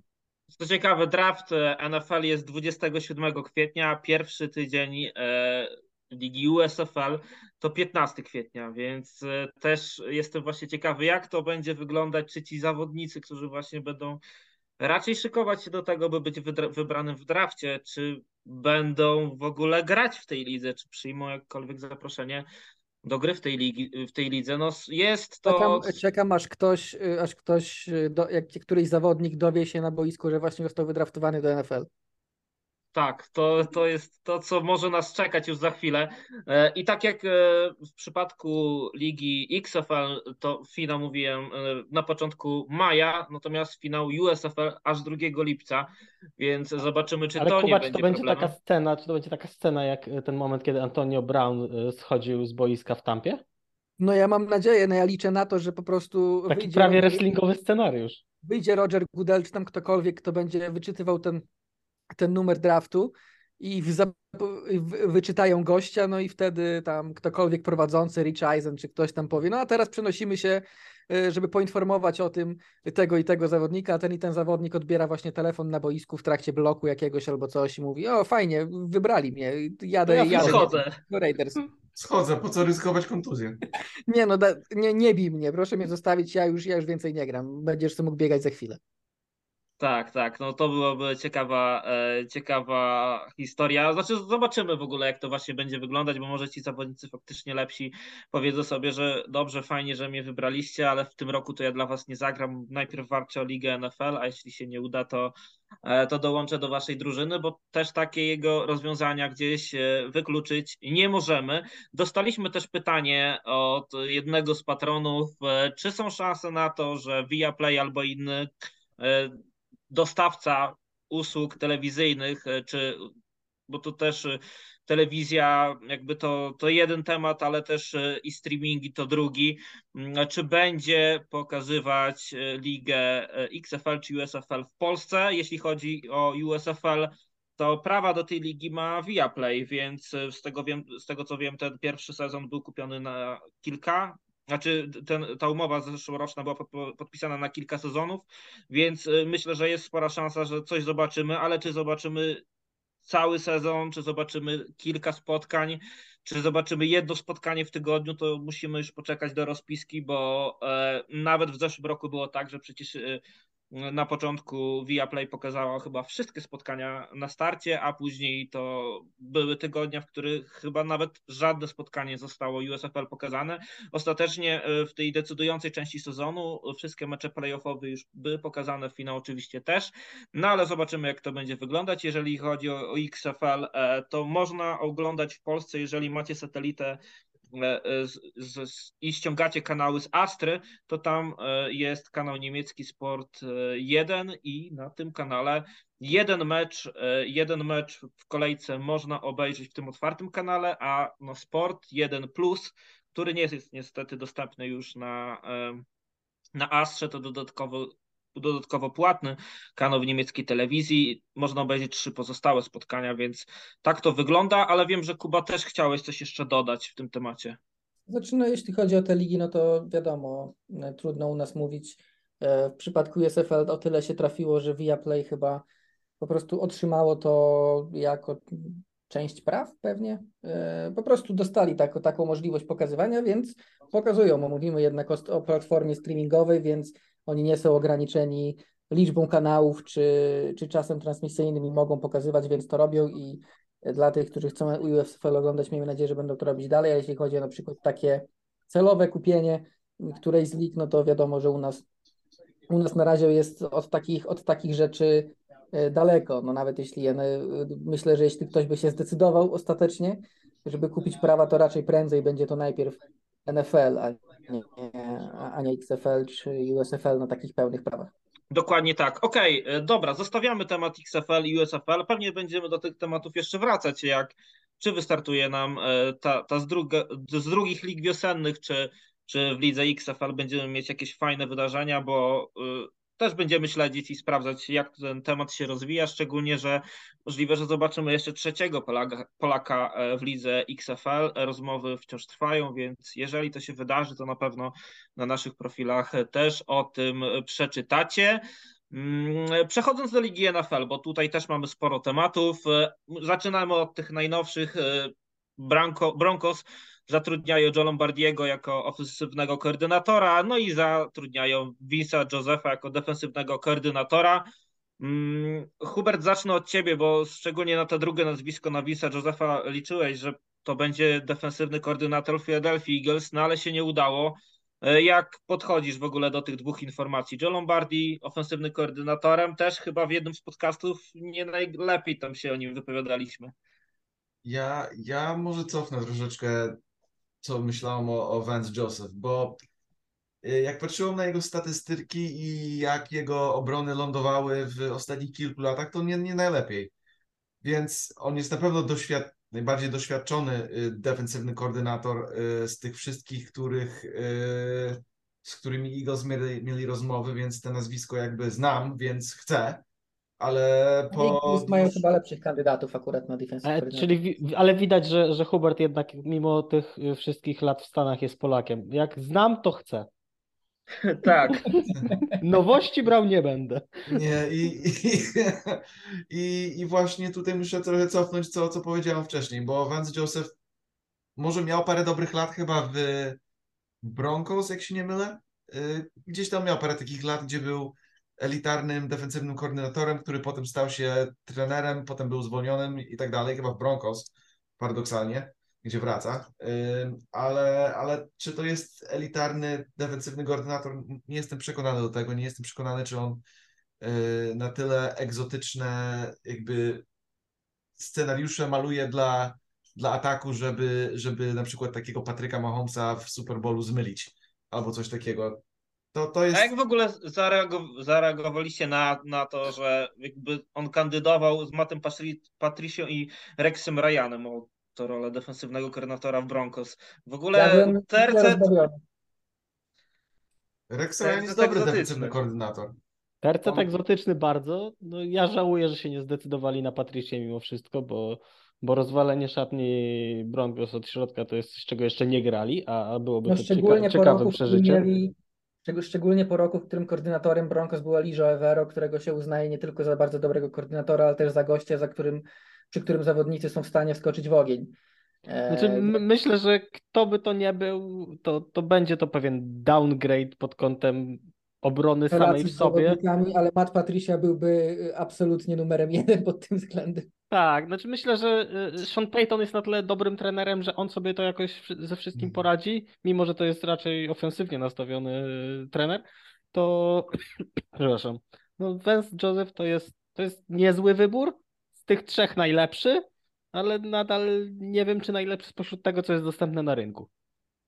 Przede wszystkim ja krytykowaliśmy Joe Lombardiego za to, co robił w Chargers, też nieprzypadkowo z tych Chargers został, został zwolniony, ale tu akurat dla Broncos dobra informacja jest taka, że on w porównaniu do Chargers nie będzie playcallerem, bo wiadomo, że playcallerem będzie Sean Payton, więc... E, tak jest, tak jest. I to, będzie mniej szkodził. To tam, kto no tam no ofensywny, wszystkim... to, to, będzie Eric Bienemy, e, ofensywny koordynator. W, Przestań mi Erika Bienemy'ego szkalować. Oni też jeszcze Shady McCoy, za, Shady McCoy za, za, za, za, mnie, za mnie to zrobił. Shady e, McCoy za... został tak zbesztany przez absolutnie wszystkich, że, że aż bardzo mnie to bawiło. Zaraz postawisz macie kropkę przy Eriku Bienemim, ale jeszcze tylko do Joe Nigdy w życiu nie postawię kropki przy Eriku Bienemim. Wspaniały człowiek. E, to Nat, Erikiem Bienem postawisz gwiazdkę. E, Joe Lombardi e, też doskonale zna Herberta i wszystkie schematy Hmm. ofensywne Chargersa, skoro Joe Lombardi, no mówię, był tak e, jakby zakorzeniony w tej drużynie Chargers i przechodzi teraz do Denver Broncos, no to jeżeli Denver Broncos mają walczyć o coś w AFC West, no to brać takiego kogoś, to też jest całkiem spoko opcja, bo, bo, bo masz takiego trochę gościa, który wie wszystko o, o, o Herbercie i może to będzie też opcja, by gdzieś tych Chargers próbować ugry, ugryźć. No jeszcze, różnych- jeszcze, możemy, jeszcze możemy dodać, zanim przejdziemy dalej, że właśnie pojawiła się informacja, kogo Broncos podpisali jako trenera rozgrywających. I jest to y, ktoś, kto w ubiegłym roku był backupem na rozegraniu Daniela Jonesa w New York Giants. Davis Webb został trenerem rozgrywających w Denver Broncos. Tak to akurat wygląda dziwnie, że zawodnik i to jeszcze z innej drużyny został bezpośrednio trenerem, ale akurat tu mogę powiedzieć, że czytałem wielokrotnie o tym, że Davis Webb w pewnym momencie ma taki umysł, jeśli chodzi o futbol, że wszyscy, wszyscy się spodziewali, że on w pewnym momencie przeskoczy do trenerki jeszcze w momencie, w którym sobie uświadomi, że z jego kariery w NFL już nic więcej nie będzie. To, to, że Josh No to- McCown jeszcze nie jest trenerem, to mnie dziwi, ale, ale jedźcie dalej. Nie, nie To jest? prawda. Czekaj, nie, nie, nie podpisał dziś kontraktu? On nie jest trenerem. Yy, W on high nie został trenerem, trenerem, trenerem rozgrywających w Panthers został. Josh McCown. A, trenerem rozgrywającym parę. No to tym bardziej, ale to też to nie jest bardzo ekskluzywna e, pozycja, a chyba on No, bardzo, słuchaj, no druga najważniejsza w ataku. Tak, po- jest, jest. Ale No, chwila, chwila, rację. chwila, bo coś mi się nie zgadza. Czy to jest ten Davis Webb, który jeszcze nie ma trzydziestki? Tak, to on jest będzie, ten Davis Webb, który jeszcze nie ma 30, zgadza się. I on będzie trenerem, technicznie rzecz biorąc, Russella Wilsona, który jest po trzydziestce. Jak najbardziej. Okej, A mogę wam jeszcze Dla mnie dorzucić, spoko. mogę jeszcze taką ciekawostkę dorzucić. Yy, linebacker coach Eagles będzie defens, defensywnym koordynatorem yy, Carolina Panthers yy, i on ma 29 lat. Arizona Cardinals. Ar- Arizona Cardi- Cardinals ma Tak, 29 tak. lat. Jest bratem to- wrestlera WWE, także to jest też taka ciekawostka. przygody nigdy się nie kończą. Także tak. Ogólnie jeśli chodzi o sztaby, no to Panthers zdecydowanie wyglądają najmocniej, bo, bo, bo, śmiesznie wygląda ten od Broncos, no ale wiadomo, na górze jest Sean Payton, więc to on będzie o wszystkim decydował. No ale ten Panthers wygląda bardzo mocno, bo i właśnie wspomniany Giro Evero, który nie, nie został w Broncos, został tam defensywnym koordynatorem, w ogóle Jim Caldwell, były head coach Lions, Dom Capers, Deuce Staley i Josh McCown chociażby, także naładowani doświadczeniem, byłymi head coachami i, i zdolnymi koordynatorami. Także jeśli jedna rzecz w końcu Panthers wyszła, to to jest ten sztab szkoleniowy z Frankiem Reichem na czele. To tak na marginesie do tego, a ten, a ten z Broncos zobaczymy jaki będzie. Yy, może nie będzie dobrze, ale jeśli nie będzie dobrze, to będzie śmiesznie na pewno. To prawda, chociaż też jak e, opowiadałeś teraz o tym sztabie Caroliny Panthers, który imponująco się prezentuje, to przyszło mi do głowy też nazwisko Joe Brady'ego, który trafił do Ligi NFL chyba tuż po tym, jak został wybrany e, Barrow w lidze NFL z pierwszym pikiem draftu przez e, Cincinnati Bengals i Joe Brady wtedy poszedł jako ofensywny koordynator właśnie do Caroliny Panthers i zupełnie tam się nie, nie jakby odbił się od Matru, ściany. Matrule zrzucił na niego wszystko to, co mu nie wyszło. To prawda, no i jakoś e, zmarnowany trochę talent. Zobaczymy, jak to będzie wyglądać e, w tym sezonie z tym już bardziej doświadczonym sztabem. No i odświeżamy ten news z ostatniego podcastu, bo e, jakby było bardzo blisko do tego, by Eric Bieniemy został ofensywnym koordynatorem Washington Commanders, no i finalnie wiemy, że to już się wydarzyło. Maciek, trzy słowa w tym temacie. Bardzo ci przykro, czy tylko trochę? To jak trzy słowa, to jest mi przykro. Tak, no czy cieszę się, że Eric Bieniemy poszedł trochę bardziej na swoje, bo w Commanders na pewno będzie playcallerem w 100% ofensywnym. I, i może wreszcie dzięki temu liga doceni to, jakim jest, e, jakim jest playcallerem, bo w Chiefs on tego playcallingu trochę miał, ale i tak wszyscy uważali, być może częściowo słusznie, że to jest, to jest playcalling Rida, a, a on tam jest trochę od trzymania tablicy z, z, z zagrywkami, ale... Według Shady McCoy nawet nie zajmował głosów e, w, w, w meetingach. To, to ja chciałbym tylko, y, cytując y, polskich dziennikarzy sportowych, czy możemy przestać udawać, że cokolwiek, co mówi McCoy, ma jakiekolwiek znaczenie? No jak był, jak był zawodnikiem i siedział w, ty, w tej szatni, to trzeba trochę wziąć go pod uwagę, no nie? I absolutnie każdy inny zawodnik, który był w tej szatni, zjechał go równo z ziemią, łącznie z Tyreekiem Hillem, który przez ostatni sezon N- Nie pluł myślisz, na Chiefs, na był... czym świat stoi. Nie, nie, nie myślisz, że to był taki po Nie, prostu PR?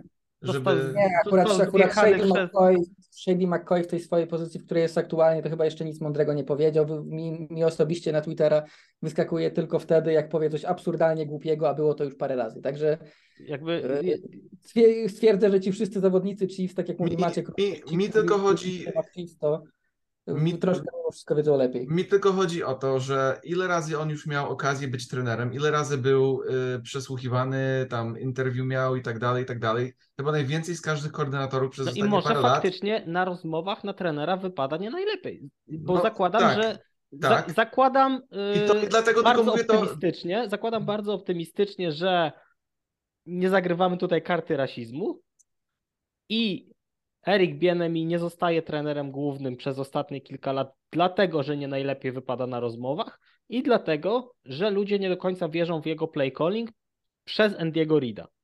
No ale nawet jeśli faktycznie Biene mi się okaże, że był tylko gościem za Reedem, no to i tak e, to nie usprawiedliwia tego, co powiedział McCoy, no bo on to tam widać po prostu, że coś mu nie pasowało w Bienem i postanowił, postanowił go Znaczy, Bie- zaatakować w bez Bienemim sensu. nie pasowało konkretnie to, że McCoy dostał od. Bienem, od Bienemiego e, konkretną e, op- dolkę za jeden z fumbli i takich bardzo znaczących fumbli i takich bardzo głupich fumbli. I nie przypomnę sobie z jakiego to było meczu, ale, ale za tego bardzo głupiego fumbla, który absolutnie nie przystoi weteranowi NFL, jakim był w tym czasie McCoy, dostał podobno koszmarną zjebę od, e, od Bienemiego i od tamtej pory e, no, panowie za sobą nie przepadają, delikatnie mówiąc. Może To i tak, prawda. to, no może i Może- tak, i, i, i tak, i tak gada, ale no, No też słuchaj, nie, no to, Znaczy, we, weźmy pod uwagę, też że Kiedyś, McCoy też kiedyś powiedział, że Bill Belichick jest marnym trenerem, więc a ta u niego w szatni nie siedział, także no też weźmy pod uwagę, że no Tyreek Hill, który cały ten sezon raczej za dobrze się oczywiście nie wypowiadał z różnych przyczyn, też broni Bienemiego, Charkandri Quest, y, Jamal Charles, wszyscy mówią, że Eric Bienemi to jest jeden z ludzi, za którymi oni poszliby w ogień i, i bronią go w 100% po tej wypowiedzi McCoya. mo, mogę, mogę, Ku- mogę ciebie, Kuba, zdenerwować delikatnie? Mogę? no.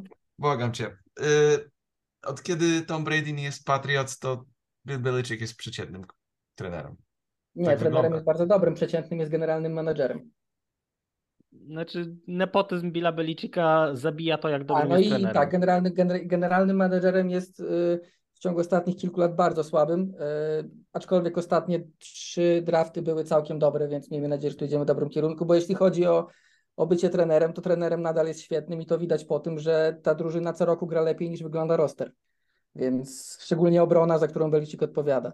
Także pod tym względem można powiedzieć, że tu się nic nie zmienia, tylko problem Billa jest taki, że jako generalny menadżer trochę odleciał w ostatnich paru latach, a przy zatrudnianiu kolegów jako trenerów to już odleciał w ogóle w stratosferę.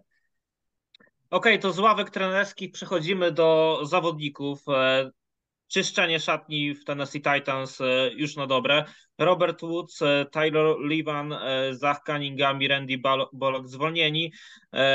Przy, przy przypadku Taylora Levana to pewnie gdyby, znaczy Paweł Sałata, który jest z naszej redakcji bardzo blisko Tennessee Titans, to mówi, że to powód jest raczej jasny. On zbierza się coraz bardziej do zakończenia kariery i, i to jest ten powód, dlaczego, dlaczego w Titans go już nie będzie. Trzykrotny To ja mam news z ostatniej Mhm. chwili. Tak, właśnie też widzę. Bobby Wagner Wagner Rams. rozstaje się z Rams. To? Bobby Bobby Wagner. Wagner. Też chyba mogliśmy się, ale to właśnie to się trochę połączy z tym tematem, bo te trzy zwolnienia, te cztery zwolnienia Randy Bullocka, Bullocka, Bullocka Piszczenie też do, w tym skrócie. Daliśmy. Y, odzyskali przez to Titans blisko 40 milionów. No i tutaj Bobby Wagner też zwolniony. Też podejrzewamy, że chodzi o cap. E, jak uważacie, jak ocenić w ogóle te decyzje i Titans, i właśnie teraz, e, jeśli chodzi o Rams, e, chyba to wszystko trzeba usprawiedliwić po prostu. Taki jest urok Ligi NFL. Jak zapytasz... No, No, je- jeśli, jeśli chodzi o to, no to wiadomo, że Rams y, są w trudnej sytuacji z kapem dalej po tym, jak e, wrzucili wszystkie siły na Super Bowl, które udało im się wygrać, że nic podziałało. Mm, a tak to wiadomo było, że będą musieli trochę, trochę tym kapem pomieszać i pewnie zwolnić paru zawodników. Bobby Wagner, no tutaj biorąc pod uwagę jego wiek. Ja tylko może... przypomnę, że oni podpisali z nim rok temu pięcioletni kontrakt. Tak, ale wiadomo, że to był taki kontrakt, żeby tylko kap rozbić. Nikt tam nikt się nie, nie no spodziewał, że on, że on 5 lat tam będzie siedział. Von ale... Miller chyba ma kontrakt na 10 lat, nie? Tak, coś... tak, coś takiego, 7 lat może. Tak, tak 6-7 chyba coś takiego, no ale wiadomo, że też wszystkich nie zagra. Y, generalnie Rams być może doszli do wniosku, że Bobby Wagner jest już wiekowym gościem, a im chwilę ta przebudowa teraz zajmie, więc y, jak już będą go potrzebowali, to on pewnie już skończy karierę, więc chociaż od, od trochę kapu odzyskają, a w Titans jest dokładnie to samo. W Titans przyszedł nowy generalny menadżer, który, który zaczyna zaprowadzać swoje porządki. No jego pierwszym zadaniem będzie pewnie to, żeby przebudować tę drużynę, yy, bo tam no, brakuje talentu. Tam mówiliśmy wielokrotnie, że sztab szkoleniowy jest dobry i dlatego Titans są nadal w grze, chociażby o playoffy i tak dalej, ale E, talentu w tej drużynie brakuje, brakuje bardzo mocno i najwyraźniej no to, to ich okienko na sukces, kiedy oni byli tym pierwszym seedem albo gdzieś tam się bili w playoffach, chyba się właśnie zamknęło ze względu na ten brak talentu, bo ostatnie drafty Titans były no słabe, a jak już im wyszedł... Ale nieraz świetnie... mówiliśmy o tym, że Vrabel robi robota ponad stan i ponad to, co ma w rosterze. Tak, no a jedyny najlepszy pik draftowy, jakiego dokonali w ostatnich latach, oddali przed rokiem do Eagles, także e, cóż, mówiąc, mówiąc w skrócie, więc nowy generalny menadżer musi to, myślę, że w porozumieniu z Mike'iem Vrabelem stwierdzili wspólnie, że czas to troszkę zaorać, mówiąc bardzo mocno i zacząć budować od nowa, bo e, no bo to jest, tak, ta budowa chwilę potrwa, szczególnie, że prawdopodobnie, nie mówię, że jeszcze w tej chwili, ale nie zdziwię się, jak e, zostanie pożegnany też Ryan Tannehill i i będzie to taka odbudowa wręcz od zera, co w sumie może im się przydać, bo. Czyli nasz e, redakcyjny kolega Paweł Sałata będzie miał w swoich dwóch drużynach dwie przebudowy na dwa różne sposoby. Tak jest, tak jest. Paweł Fantastyczna będzie, przygoda, Paweł. Życzymy będzie, cierpliwości. Będzie obserwował dwie przebudowy i będzie, będzie mógł z pierwszej ręki wyciągać wnioski, który sposób jest lepszy. To czy ja jeszcze tutaj tylko e, delikatnie obronię Titans, bo jakby ta ocena tego dealu z Eagles no, wygląda brutalnie, patrząc co zrobił w tym sezonie e, wydrafto, znaczy no, ich wydraftowany zawodnik Traylon Burks, który praktycznie nie grał. To też no kontuzja i, była No właśnie, ale jak grał, grał dobrze. Tak, więc ale trudno też, jakby też, ocenić e, wartość tej wyceny. Ja, ja jestem, mhm. ja jestem zdania, że jak masz gościa o takim talencie jak AJ Brown, to go po prostu nie wypuszczasz i tyle.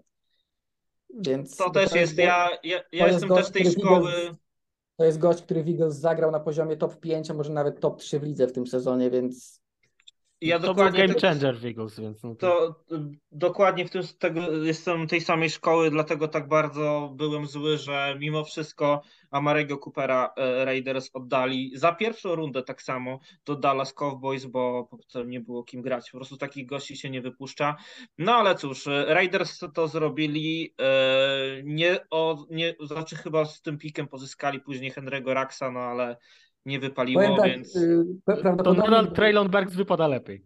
Tak, tak, to jest małe pocieszenie dla, bo przynajmniej mogą pozyskać, znaczy przynajmniej próbować gdzieś w tych przyszłych latach e, rozwijać jego talent, no i kto wie, może, może, może, może to też nie będzie taka zła wymiana, szczególnie, że e, w off-season były całkiem dobre o nim głosy i chyba w dwóch ligach nawet sobie fantazy go draftowałem, oczekując jakichś fajnych cyferek. Tak, Kuba, jeszcze coś no, chciałeś no, dodać? Tak, chciałem powiedzieć, że prawdopodobnie gdyby nowy generalny menadżer Titans miał możliwość y, cofnięcia jednego ruchu swojego poprzednika, to 10 na 10 razy byłaby to wymiana AJ Browna.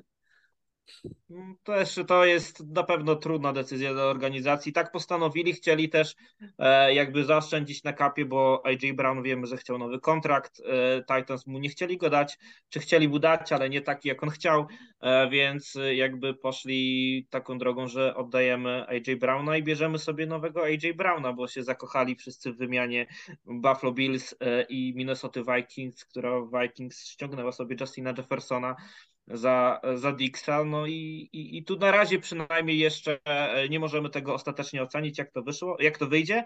No ale ostatecznie no na pewno dążą do tego, żeby to był taki deal jak, jak to, co zrobili właśnie, e, właśnie Minnesota Vikings, oddając Stefana Dixa. Ale przechodząc też jeszcze do dwóch innych zawodników, o których chcemy pomówić, to pojawiła się informacja, ale to bardziej tylko jako komunikat e, od e, Cardinals. Kyler Murray i jego rekonstrukcja po ACL-u podobno wygląda całkiem nieźle i jak mówiło się, że wróci w połowie sezonu albo gdzieś nawet może w dalszej części sezonu 2023-2024, to teraz ten powrót może być nawet wcześniej. E, Kayler Murray oczywiście pojawia też się e, już na spotkaniach e, w, w siedzibie Cardinals. Witał się też z nowym trenerem, ale co zaskakujące, no właśnie też wielu jakby, wiele osób na Twitterze też zwróciło uwagę, że trochę brzucha złapał. No ale to też może być taka jakby mm, też ta kamera gdzieś tam pokazująca go w innym stroju, może też przez to wyglądać trochę inaczej, ale no podobno ta rekonwalescencja po ACL-u wygląda całkiem nieźle. No i temat, którym chciałbym jakby zakończyć, jeśli chodzi o te takie newsy, to Alvin Kamara i bójka w Las Vegas, czyli można powiedzieć, że off-season rozpoczęty, bo Alvin Kamara e, rok temu miał podobną przygodę. W ogóle co sądzicie o tym i co sądzicie o Saints i Alvinie Kamarze, bo on w tym roku e, jest trzecim najlepiej zarabiającym running backiem ligi, ma gwarantowane 16 milionów. E, na pierwszym miejscu Ezekiel Elliott, e, drugi Derrick Henry, trzeci to Alvin Kamara. No i te kolejne jego występki, nie wiemy w sumie jak to się zakończy, no ale ten filmik z tym pobiciem gdzieś tam sobie po internecie krąży. Czy Saints mają problem? Każdy, znaczy... kto przedłuża running backa płacąc mu tak absurdalne pieniądze i nie jest to Christian McCaffrey, ma problem. Znaczy, znaczy generalnie wydaje mi się, że ten z Craftem, to jest z Craftem, nie wiem skąd mi Kraft się wziął, w każdym razie z Kamarą, yy, z Kamarą trochę to... Kraft miał inne przewinienia. Tak, Kraft miał inne przewinienia, trochę mimo, mimo wszystko chyba mniejsze. W każdym razie jeśli chodzi o Kamarę, to wydaje mi się, że to już jakiś czas chyba zmierza do tego, że Saints mogą się w końcu zdecydować z nim pożegnać, bo i na boisku nie jest już tak eksplozywny jak w tych swoich najlepszych sezonach, a i Saints są w sytuacji, w której no nadal szukają kapu, bo mieli, zaczęli z minus 500 milionów na, na koncie i muszą zejść do zera, więc już parę restrukturyzacji zrobili, nie wiem ile mają w tej chwili, ale stawiam, że koło minus 30, minus 25, więc jeszcze parę rzeczy muszą zrobić.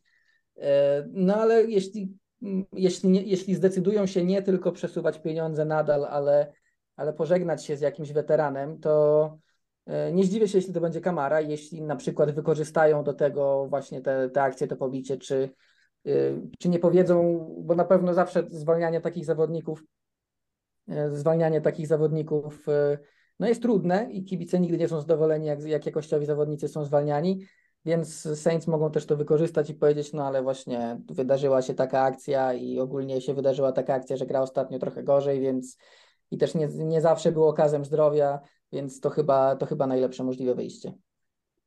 To prawda. No i też to, co też Maciek wspomniał, e, te wysokie kontrakty. Wiemy, że teraz e, jest dyskusja o tym, jak nakłonić Ezekiela Eliota do tego, by obniżył ten swój kontrakt, jakoś go rozbić przynajmniej.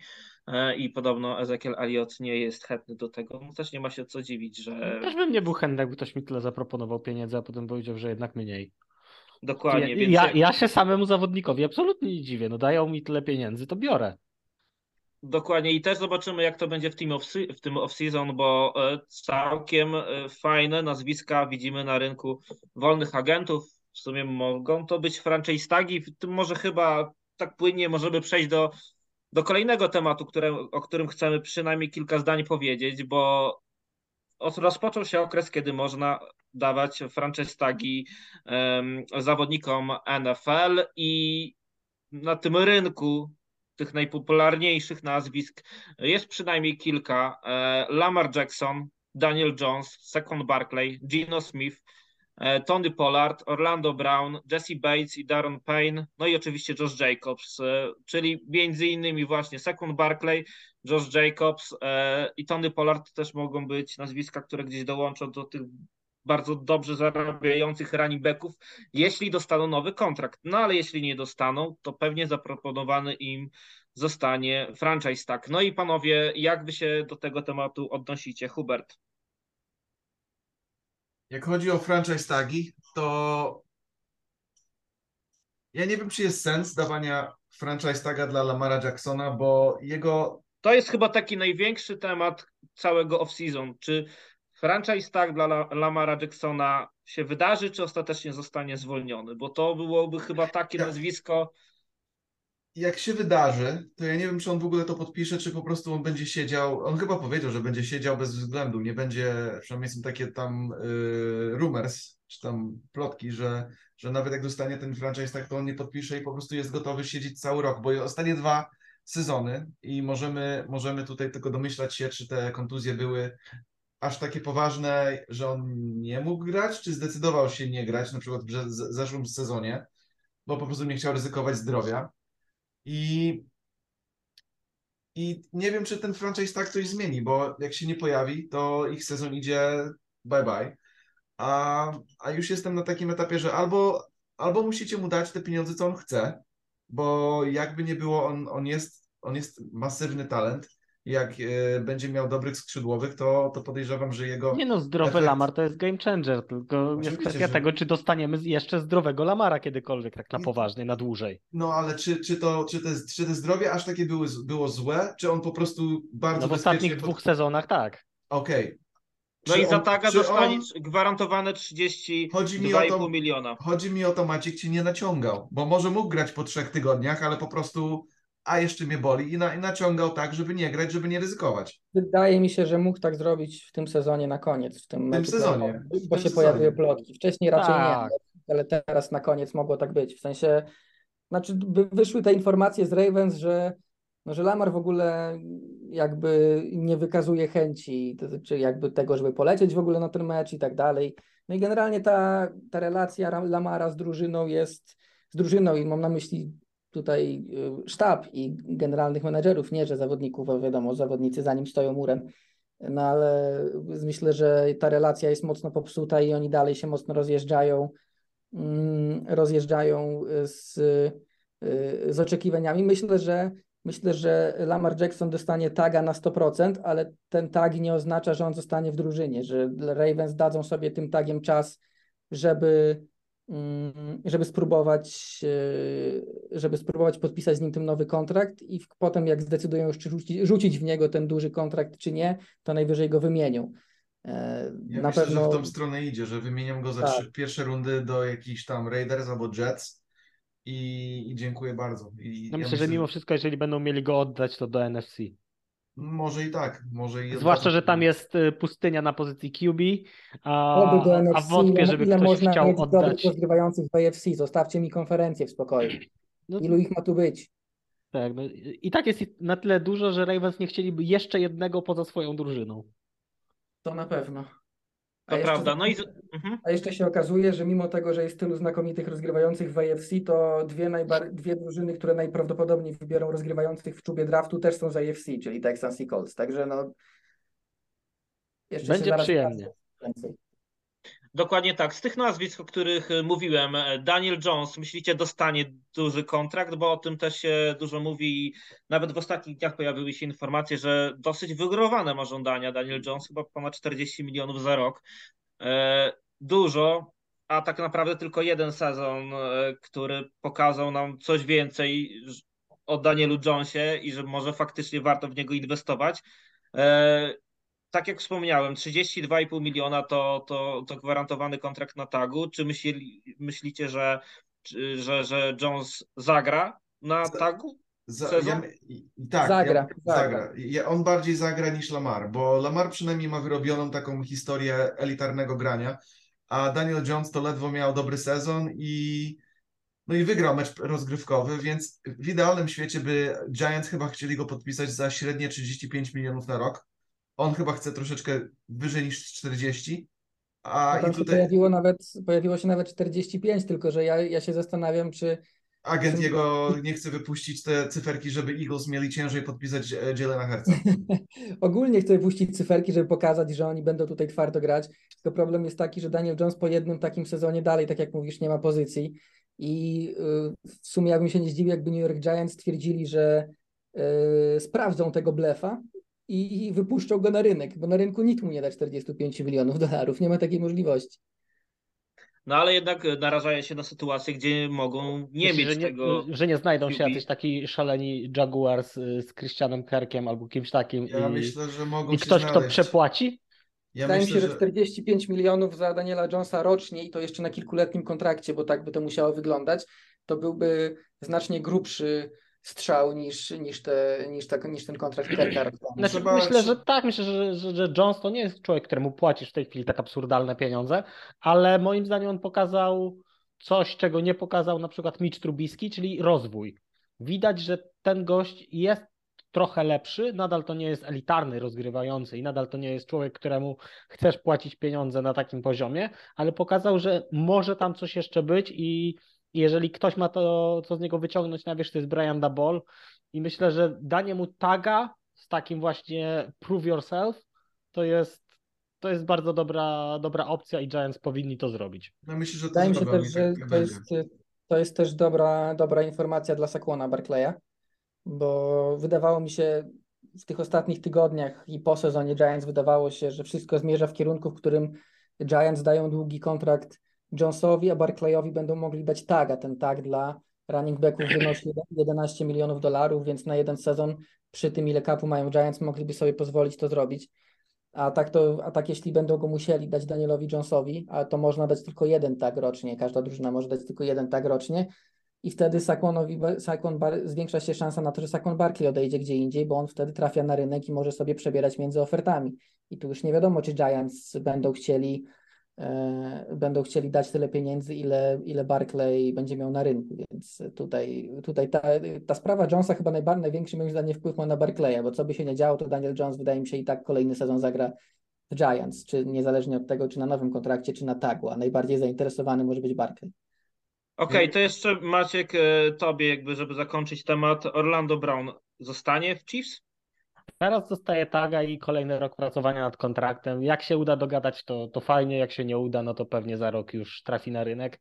Ja tylko powtórzę coś, co powiedziałem w momencie, kiedy trade po Browna był wykonywany. Jeżeli da nam chociaż jedno Super Bowl, będę zadowolony. Dał jedno, jestem zadowolony. Teraz dostanie taga, zobaczymy. Bo Hubert- nie sądzę, żeby udało się dogadać umowę przed y, okresem tagów. Skoro Hubert, nie udało się coś przez cały sezon. Hubert, chcesz coś jeszcze dodać? Ja tylko chciałem dodać na temat Saquona, że ja, czytałem ostatnio, że raczej on, e, Giants z nim się nie dogadują i chyba, chyba będzie na wolnym rynku, więc e, a ja bym, ja nie jestem w ogóle fanem płaceniu lub tagowaniu running backów. To są linebackery ataku i one są znalezione w każdej rundzie wszędzie, zawsze. W XFL można znaleźć running backa, e, z tym, że tam chyba Kalen Balash gra też, więc... e, No nie, nie, no tak, no mamy Kelena Balarza Szanujmy się, no. XFL, więc no, tam nie znajdziemy running backa. Ale, ale Jedyne miejsce w Ameryce, gdzie nie znajdziesz running backa. Ale ogólnie wszędzie znajdziesz running backa i nie płaci się running backowi. Miles Sanders w Filadelfii też y, marzy o tym, Howie, Howie, zap, za, za, zapłać mi, chcę zostać w Filadelfii, bla, bla, bla. Running backi są wszędzie. Ja, ja w ogóle w ja, tym roku jest ich wielu na rynku, więc jestem Mm. ciekaw, jak ten rynek będzie wyglądał, bo I wcale nie E, najgorsza klasa draftu. tak, te, w ogóle jest świetna klasa draftu. Bijan Robinson.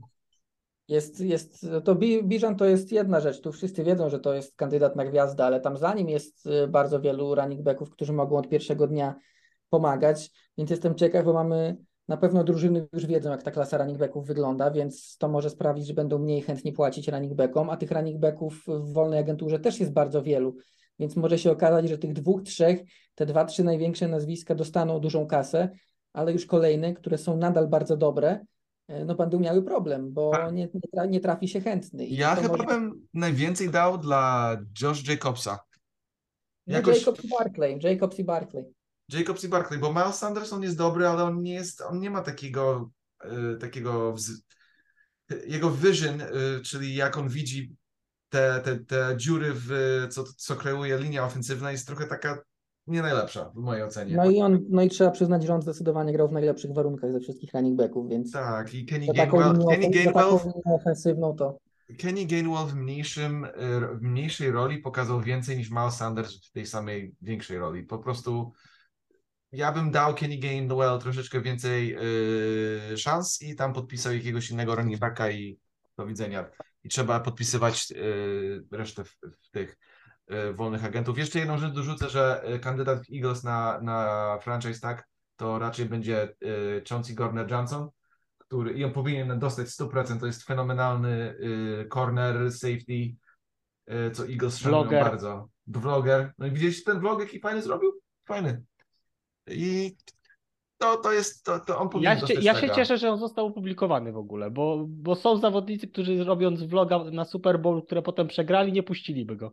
Nie, ale to było spoko. Ja, ja myślę, Bardzo że... fajny materiał. Obejrzałem i naprawdę dobrze się bawiłem. No ja, ja po prostu to, no, bo na przykład drużyna nie pokaże ci, jak on wchodzi do jakiegoś ofisu, jakiegoś człowieka tam pogadać, że, że po prostu te interakcje były bardzo takie surowe, prawdziwe.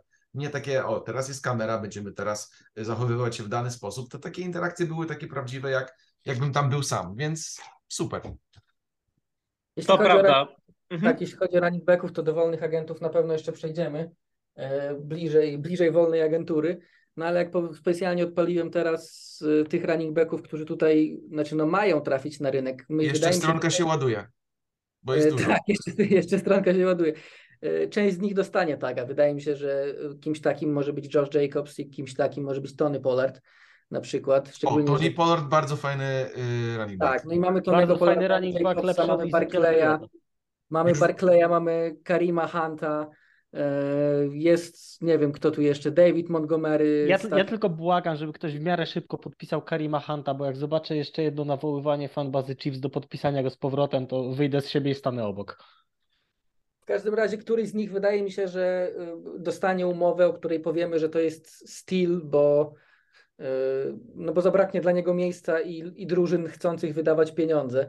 Tak jak ja wy- wydawało mi się z perspektywy Patriots przez cały sezon, że Damien Harris gra swój ostatni sezon w Patriots, bo Belichick nie płaci running backom i słusznie, a Damien Harris y, jak, jak jest zdrowy, to, to jest całkiem niezłym running backiem a byłby tylko dwójką. Tak tutaj teraz, jak patrzę na tę listę, to może się okazać, że dla Damiena Harrisa się miejsce nie znajdzie i on wróci, będzie musiał, będzie zmuszony wrócić do Patriots na jakimś niskim kontrakcie, bo niczego innego nie dostanie na przykład. Ale czy RB Room Cowboys z obecnym kontraktem Zika i franchise tagiem dla. O, o Jezu, uciekło mi teraz nazwisko. Polarda. Tak, dla Tonego Polarda to będzie najwyżej opłacany running back room ever.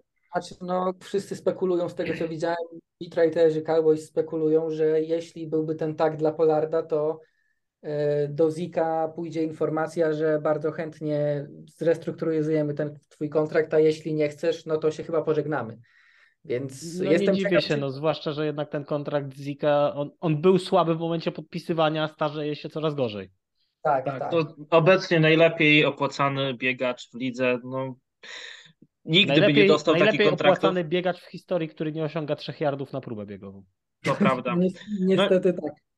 E, A, a propos tego, wspominaliście o drafcie i że bardzo wielu e, running backów całkiem utalentowanych zobaczymy, zobaczymy w tym drafcie. Zresztą zachęcamy do naszej grupy fanów na Facebooku, tam Dominik Kędzierawski i też na swoim Twitterze, ale i, i, i tam e, cał, w całym długim zestawieniu przygotował e, informację dotyczącą tak naprawdę wszystkich pozycji, wszystkich zawodników, m, których warto gdzieś śledzić i przyglądać się w tych najbliższych dniach e, ich poczynaniom, bo, e, bo mogą być znaczącymi nazwiskami w Ja lidze mogę, NFL. ja też mogę powiedzieć, że tak jak w tamtym roku miałem, też miałem, tak jak Dominik miał, ja miałem swój big board, jeśli chodzi o zawodników z draftu, których oglądałem i który w sumie zbierał u nas całkiem ładne reakcje, więc wydaje mi się, że trochę, trochę ludzi patrzyło. Tak w tym roku też właśnie zaczynam, zaczynam oglądać tych ludzi i go robić, więc pewnie też bliżej draftu on, on się pojawi, a będzie o kim mówić w sumie.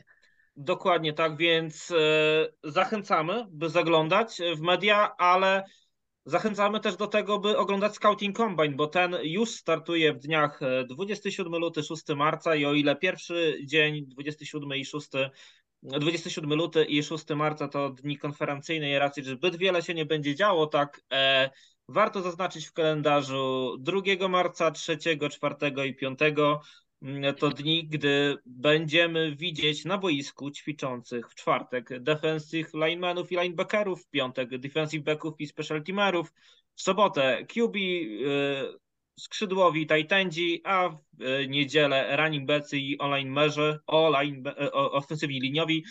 E, warto śledzić i oglądać. Ja już z tego robię sobie taką gdzieś małą tradycję, bo też to Liga NFL fajnie nam opakowuje i możemy to sobie oglądać z odtworzenia. Ja, Jeżeli ja tylko mam pamiętam, swój postulat. Nie dajcie sobie wmówić, że w tej klasie draftu jest rozgrywający lepszy niż Antony Richardson. Nie dajcie się tej propagandzie ogłupić. Będziemy Maciek- oglądać. Zobaczymy, Maciek- ale, Maciek- ale tylko dodam e, i, i, i Maciek wypuszczam wchodzisz- was w dyskusję. Mhm. Maciek, wchodzisz w rejon, w którym wyciągamy ten fragment podcastu za, za dwa lata. Jak zostanie zwolniony, ja wiem. Ale y, dałem, dałem się okrutnie oszukać Kelenowi Mondowi jakiś czas temu. Antony Richardson ma potencjał na bycie naprawdę znakomitym rozgrywającym. A czy go wykorzysta, to jest osobny temat, ale jest To o, fantastyczny. tym, o tym na pewno będziemy rozmawiać, ale to oczywiście zg- zgadzam się z tobą, jeśli chodzi o jego potencjał. Ale to e, na pewno ode mnie postulat e, też do wyciągnięcia za dwa lata. Nie dajcie sobie wmówić, że Will Levis to jest dobry prospekt. No widziałem, że nawet gdzieś Czyli go wiemy, tam... kto zdobędzie Super Bowl w najbliższym czasie i wiemy, kto go nie zdobędzie. I Nawet będzie widziałem takie- odwrotnie niż mówimy. Widziałem takie mock drafty, gdzie on był jako trzeci pik. Ja, ja Znaczy, że widziałem pierwszy takie, gdzie idzie trzech- do Raiders. Ja widziałem Pierwszy- mock draft, ja widziałem w którym on był wy- wybrany z jedynką, także O, no to już grube odloty, ale właśnie e, Scouting Combine najpewniej. Dan Zobaczymy jak Orlowski robił ten mock draft. E, Tak, będzie można oglądać albo e, McCoy, żeby znów było o nim głośno. Będzie można oglądać na stronie NFL.com, chyba nawet bez logowania na żadne Game Pass. To było wszystko otwarte, więc śledźcie, oglądajcie, ale właśnie panowie, oglądacie, zresztą już, już trochę jakby weszliście w temat, więc podejrzewam, że oglądacie, ale opowiedzcie, jak w waszym przypadku wygląda Scouting Combine, czy oglądacie, czy polecacie i który dzień e, najchętniej e, zaznaczyć gdzieś tam w kalendarzu waszym zdaniem, bo, bo będzie się dziać, dziać ciekawa rywalizacja. No to może, może Hubert, bo Hubert e, przez chwilę byłeś cicho, to a wiem, że też na ten Scouting Combine spoglądasz. Spoglądam, ale patrzę na takie rzeczy jak 40 yard dash, kto najszybciej biega, albo jak quarterbacki mają tam jakieś y, i, tak, i, takie, i takie typu rzeczy, bo em, bo tak naprawdę combine to jest taki, taka olimpiada, co do końca tak dużo nie znaczy w kontekście jak gra człowiek w futbolu. Jest tyle zawodników, co mieli fatalne kombajny, a grali bardzo, no, Brock, Brock Purdy na przykład. Wspomniany, Znaczy, wspomniany kombajn pan- jest przereklamowany, ale to jest znakomita zabawa do oglądania. No to i Tak, pat- tak. właśnie jak patrzyłem na Lamara Jacksona i jak on rzucał piłkę, to pomyślałem, Boże, on nie będzie quarterbackiem, bo on nie umie rzucać piłkę. No i przez pierwsze kilka lat, do tej pory myślę, że on tak dobrze nie rzuca piłki, nie jest aż taki precyzyjny, ale się na tyle poprawił, że kompetentny jest, ale no... Mi się najbardziej widzisz- podobała wypowiedź Patricka Mahomesa o jego 40 na combine, na której on powiedział, że gdyby puścili za nim jakiegoś szybkiego liniowego, to pobiegłby dużo szybciej. No i Więc no, tak, tak dużo... trochę, trochę tak to działa, to combine to jest taki trochę patrząc na to, jak pokaz Mahomes, talentów. patrząc na to, jak Mahomes ucieka przed presją czasem, no to trudno się nie zgodzić. To jest taki Ja pokaz sobie- talentów, który jest uroczy i, i, Tak, i znaczy generalnie o ile ja jestem raczej z tego teamu, że znacznie bardziej wolę oglądać film tych zawodników niż patrzeć na ich e, testy, chociaż Tak. wiadomo, że testy wpływają też e, na ocenę ich e, potencjału często, tak, wiadomo, jak ktoś nie potrafi, jak ktoś nie biega szybko na kombajnie, do którego się przygotowuje, bo wszyscy się przygotowują, to trudno stwierdzić, że na przykład będzie potem e, tym deep threatem tak zwanym szybkościowym, e, jeśli chodzi o NFL. No to ale no, wydaje mi się, że żeby naprawdę kombajn miał znaczenie albo popsuł zawodnikowi renomę, to trzeba naprawdę, naprawdę bardzo, bardzo mocno go popsuć. I tu wspomniałem przed chwilą Orlando Browna, bo to on kiedyś tak zrobił, ładnych parę lat temu, e, co sprawiło, że on do piątej rundy gdzieś tam zleciał, czy którejś go tam Ravens wybrali, czy w czwartej. No ale widzimy, że ostatecznie mimo tego, że miał jeden z najgorszych kombajnów w historii dla ofensywnego liniowego, to i tak gra na wysokim poziomie i właśnie wygrał Super Bowl. Także to jest najlepszy dowód na to, żeby się nie przywiązywać do tego za mocno. Tak, tak. Darius Howard Bay kiedyś lata temu bardzo fajnie pobiegł e, bieg na 40 yardów. Raiders wygrali, wybrali go w pierwszej rundzie, bo chcieli e, wybrać człowieka, który jest najszybszy. Tak to akurat w Raiders wtedy wyglądało. 40, Hashtag Henry Rax. Tak. Zresztą 40 to jest 40 to jest bardzo fajny wyznacznik, bo ostatnio widziałem e, chyba top 20 najszybszych 40 w historii kombajnu. No i tam są absolutnie wszyscy zawodnicy. Tam są gwiazdy, tam są zawodnicy, którzy nie zagrali nawet meczu, tam są zawodnicy, którzy tylko szybko biegali, nic innego nie potrafili robić, więc naprawdę e, nie, kom, nie kombajn czyni zawodnika NFL, o tak. To Ale już prawda, na to pewno prawda. nie 40. 40 jest fajna też, żeby sobie ją sobie zobaczyć, że oho, ktoś szybko biega, Pocieszyć, pocieszyć się, jak ktoś pobije rekord. no, a potem skończy jak John Ross z umiarkowaną karierą. Słuchaj, tej prawda, pory- ale, ale z tej drugiej strony do tego e, Scouting Combine też trzeba być zakwalifikowanym, więc to też jest, jeżeli jakby nie jesteście w temacie draftowym, e, nie, nie obserwowaliście tak bardzo tej ligi NCAA, to jeżeli obejrzycie sobie ten Scouting Combine, zobaczycie te nazwiska, e, to też warto sobie gdzieś odświeżyć, bo to Nie, najpewniej będą te nazwiska, które gdzieś będą jakąś jedną z głównych ról e, w tym drafcie w całym drafcie tak naprawdę gdzieś tam znaczyć i może właśnie przez to, jak, jak zobaczycie te nazwiska, przyjrzycie się, będziecie wiedzieć, która wasza drużyna ma jakie bolączki, jakie potrzeby, to, to może wtedy będzie warto też odświeżyć taśmy tych zawodników. Tak, Kuba? Tak, znaczy no chciałem tylko powiedzieć, że najważniejsze na kombajnie jest to, czego my akurat jako widzowie nie widzimy, czyli te spotkania, y, to jest miejsce spotkań z zawodnikami, którzy będą w drafcie, to po pierwsze, ale też pomiędzy drużynami, bo to jest ten moment, w którym wszyscy próbują się wybadać, co, co czego potrzebuje, co kto będzie atakował w wolnej agenturze i tak dalej. Czasem wymiany są nawet dogadywane na kombajnie i potem widzimy, że no pierwszy raz ci się skontraktowali z tymi w tej sprawie na kombajnie albo coś takiego, bo tam są wszystkie drużyny w tej chwili. E, Więc y, to jest bardzo, bardzo, bardzo istotne, ale tak, no na pewno gwarantujemy, że te nazwiska, które będziecie widzieli najwięcej na kombajnie, to będą potem wybierane w drafcie, bo też ten kombajn już y, z góry, z góry wszyscy wie, wiedzą, kto mniej więcej może iść w pierwszej rundzie, w pierwszych rundach i często właśnie Ja bardzo żałuję, że, że nie ma nagrania z legendarnej rozmowy Dejona Sandersa z Combine. Tak, tak. Deion Sanders zresztą y, on jest współrekordzistą 40, czy mi się wydaje. Yy, To jest Nie ten przykład. Pamiętam, ale, ale on miał szybką tą 40. Tak, i on zawsze mówił, że on tak naprawdę to biegał jeszcze szybciej, bo coś tam. A najszybsza 40, której nie mieliśmy okazji poznać, to zawsze się mówi o Bo Jacksonie, bo. e, Wtedy są- jeszcze nie wtedy Trzymali jeszcze tego, nie tak? było taśmy. Znaczy, trzymali to, ale Bow chyba nie biegł, albo coś tam wtedy z tym było. W każdym razie są ludzie, którzy utrzymują, że on tam pobiegł tę 40 gdzieś, gdzieś na jakimś prodeju, czego też nikt nie sprawdził. No i że było to 4,13, co nawet na, na dzisiejsze standardy jest absolutnie potężną, potężną liczbą, no ale wiadomo. Ja bardzo żałuję, że nie mamy 40 Tyrika Hilla nagranej, więc No tak, to też. to, to tak. To, to są to właśnie jest taka wartość 40, żeby sobie ją potem powspominać za 30 lat, że ale I to tak ktoś pobiegł. najczęściej, najczęściej pokazywaną 40 w historii jest być może ta Toma Brady'ego, więc Prawda. E, Okej, ponad 5 sekund. Okej, e, w ten sposób dobrnęliśmy do ostatnich minut naszego podcastu NFL.pl Radio. Dziękujemy jeszcze raz e, naszym patronom, w szczególności Maciejowi Krzywdzie, który jest w tej najwyższej cegiełce, jak wspominam, naszego Patronite. Zachęcamy jednocześnie też wszystkich innych Was do dołączenia do naszej grupy patronów i teamu NFL Polska, aby razem też rozwijać to nasze wspólne dziecko a wpłaty do patronów nie ma, co- e, od patronów nie ma co ukrywać. Pomogą nam w codziennym funkcjonowaniu, ulepszaniu tego produktu, jaki oferujemy. Chcielibyśmy się też pojawiać w wielu nowych miejscach, relacjonować ten futbol amerykański i, i promować go w jak e, najlepszy, najłatwiejszy dla Was, najłatwiej odbieralny sposób. A za dzisiaj mówimy Wam już do usłyszenia. Ja nazywam się Karol Potaś, a wraz ze mną byli Kuba Kazula, Dziękuję bardzo. Maciej Zając Dziękuję bardzo. I Hubert Gawroński. Broncos Country. Nie, już wiesz co, jest nowy sezon, nowy ja. Ja nie będę już tego gadał. Daj, ich- daj, Peytonowi teraz. Daj popracować, bo już może to nie być takie śmieszne, jak się okaże, że Może jednak- nie być, może nie być. No to żegnam wszystkich i do, do usłyszenia, do widzenia, do widzenia i tak dalej. Do następnego, cześć. Na razie.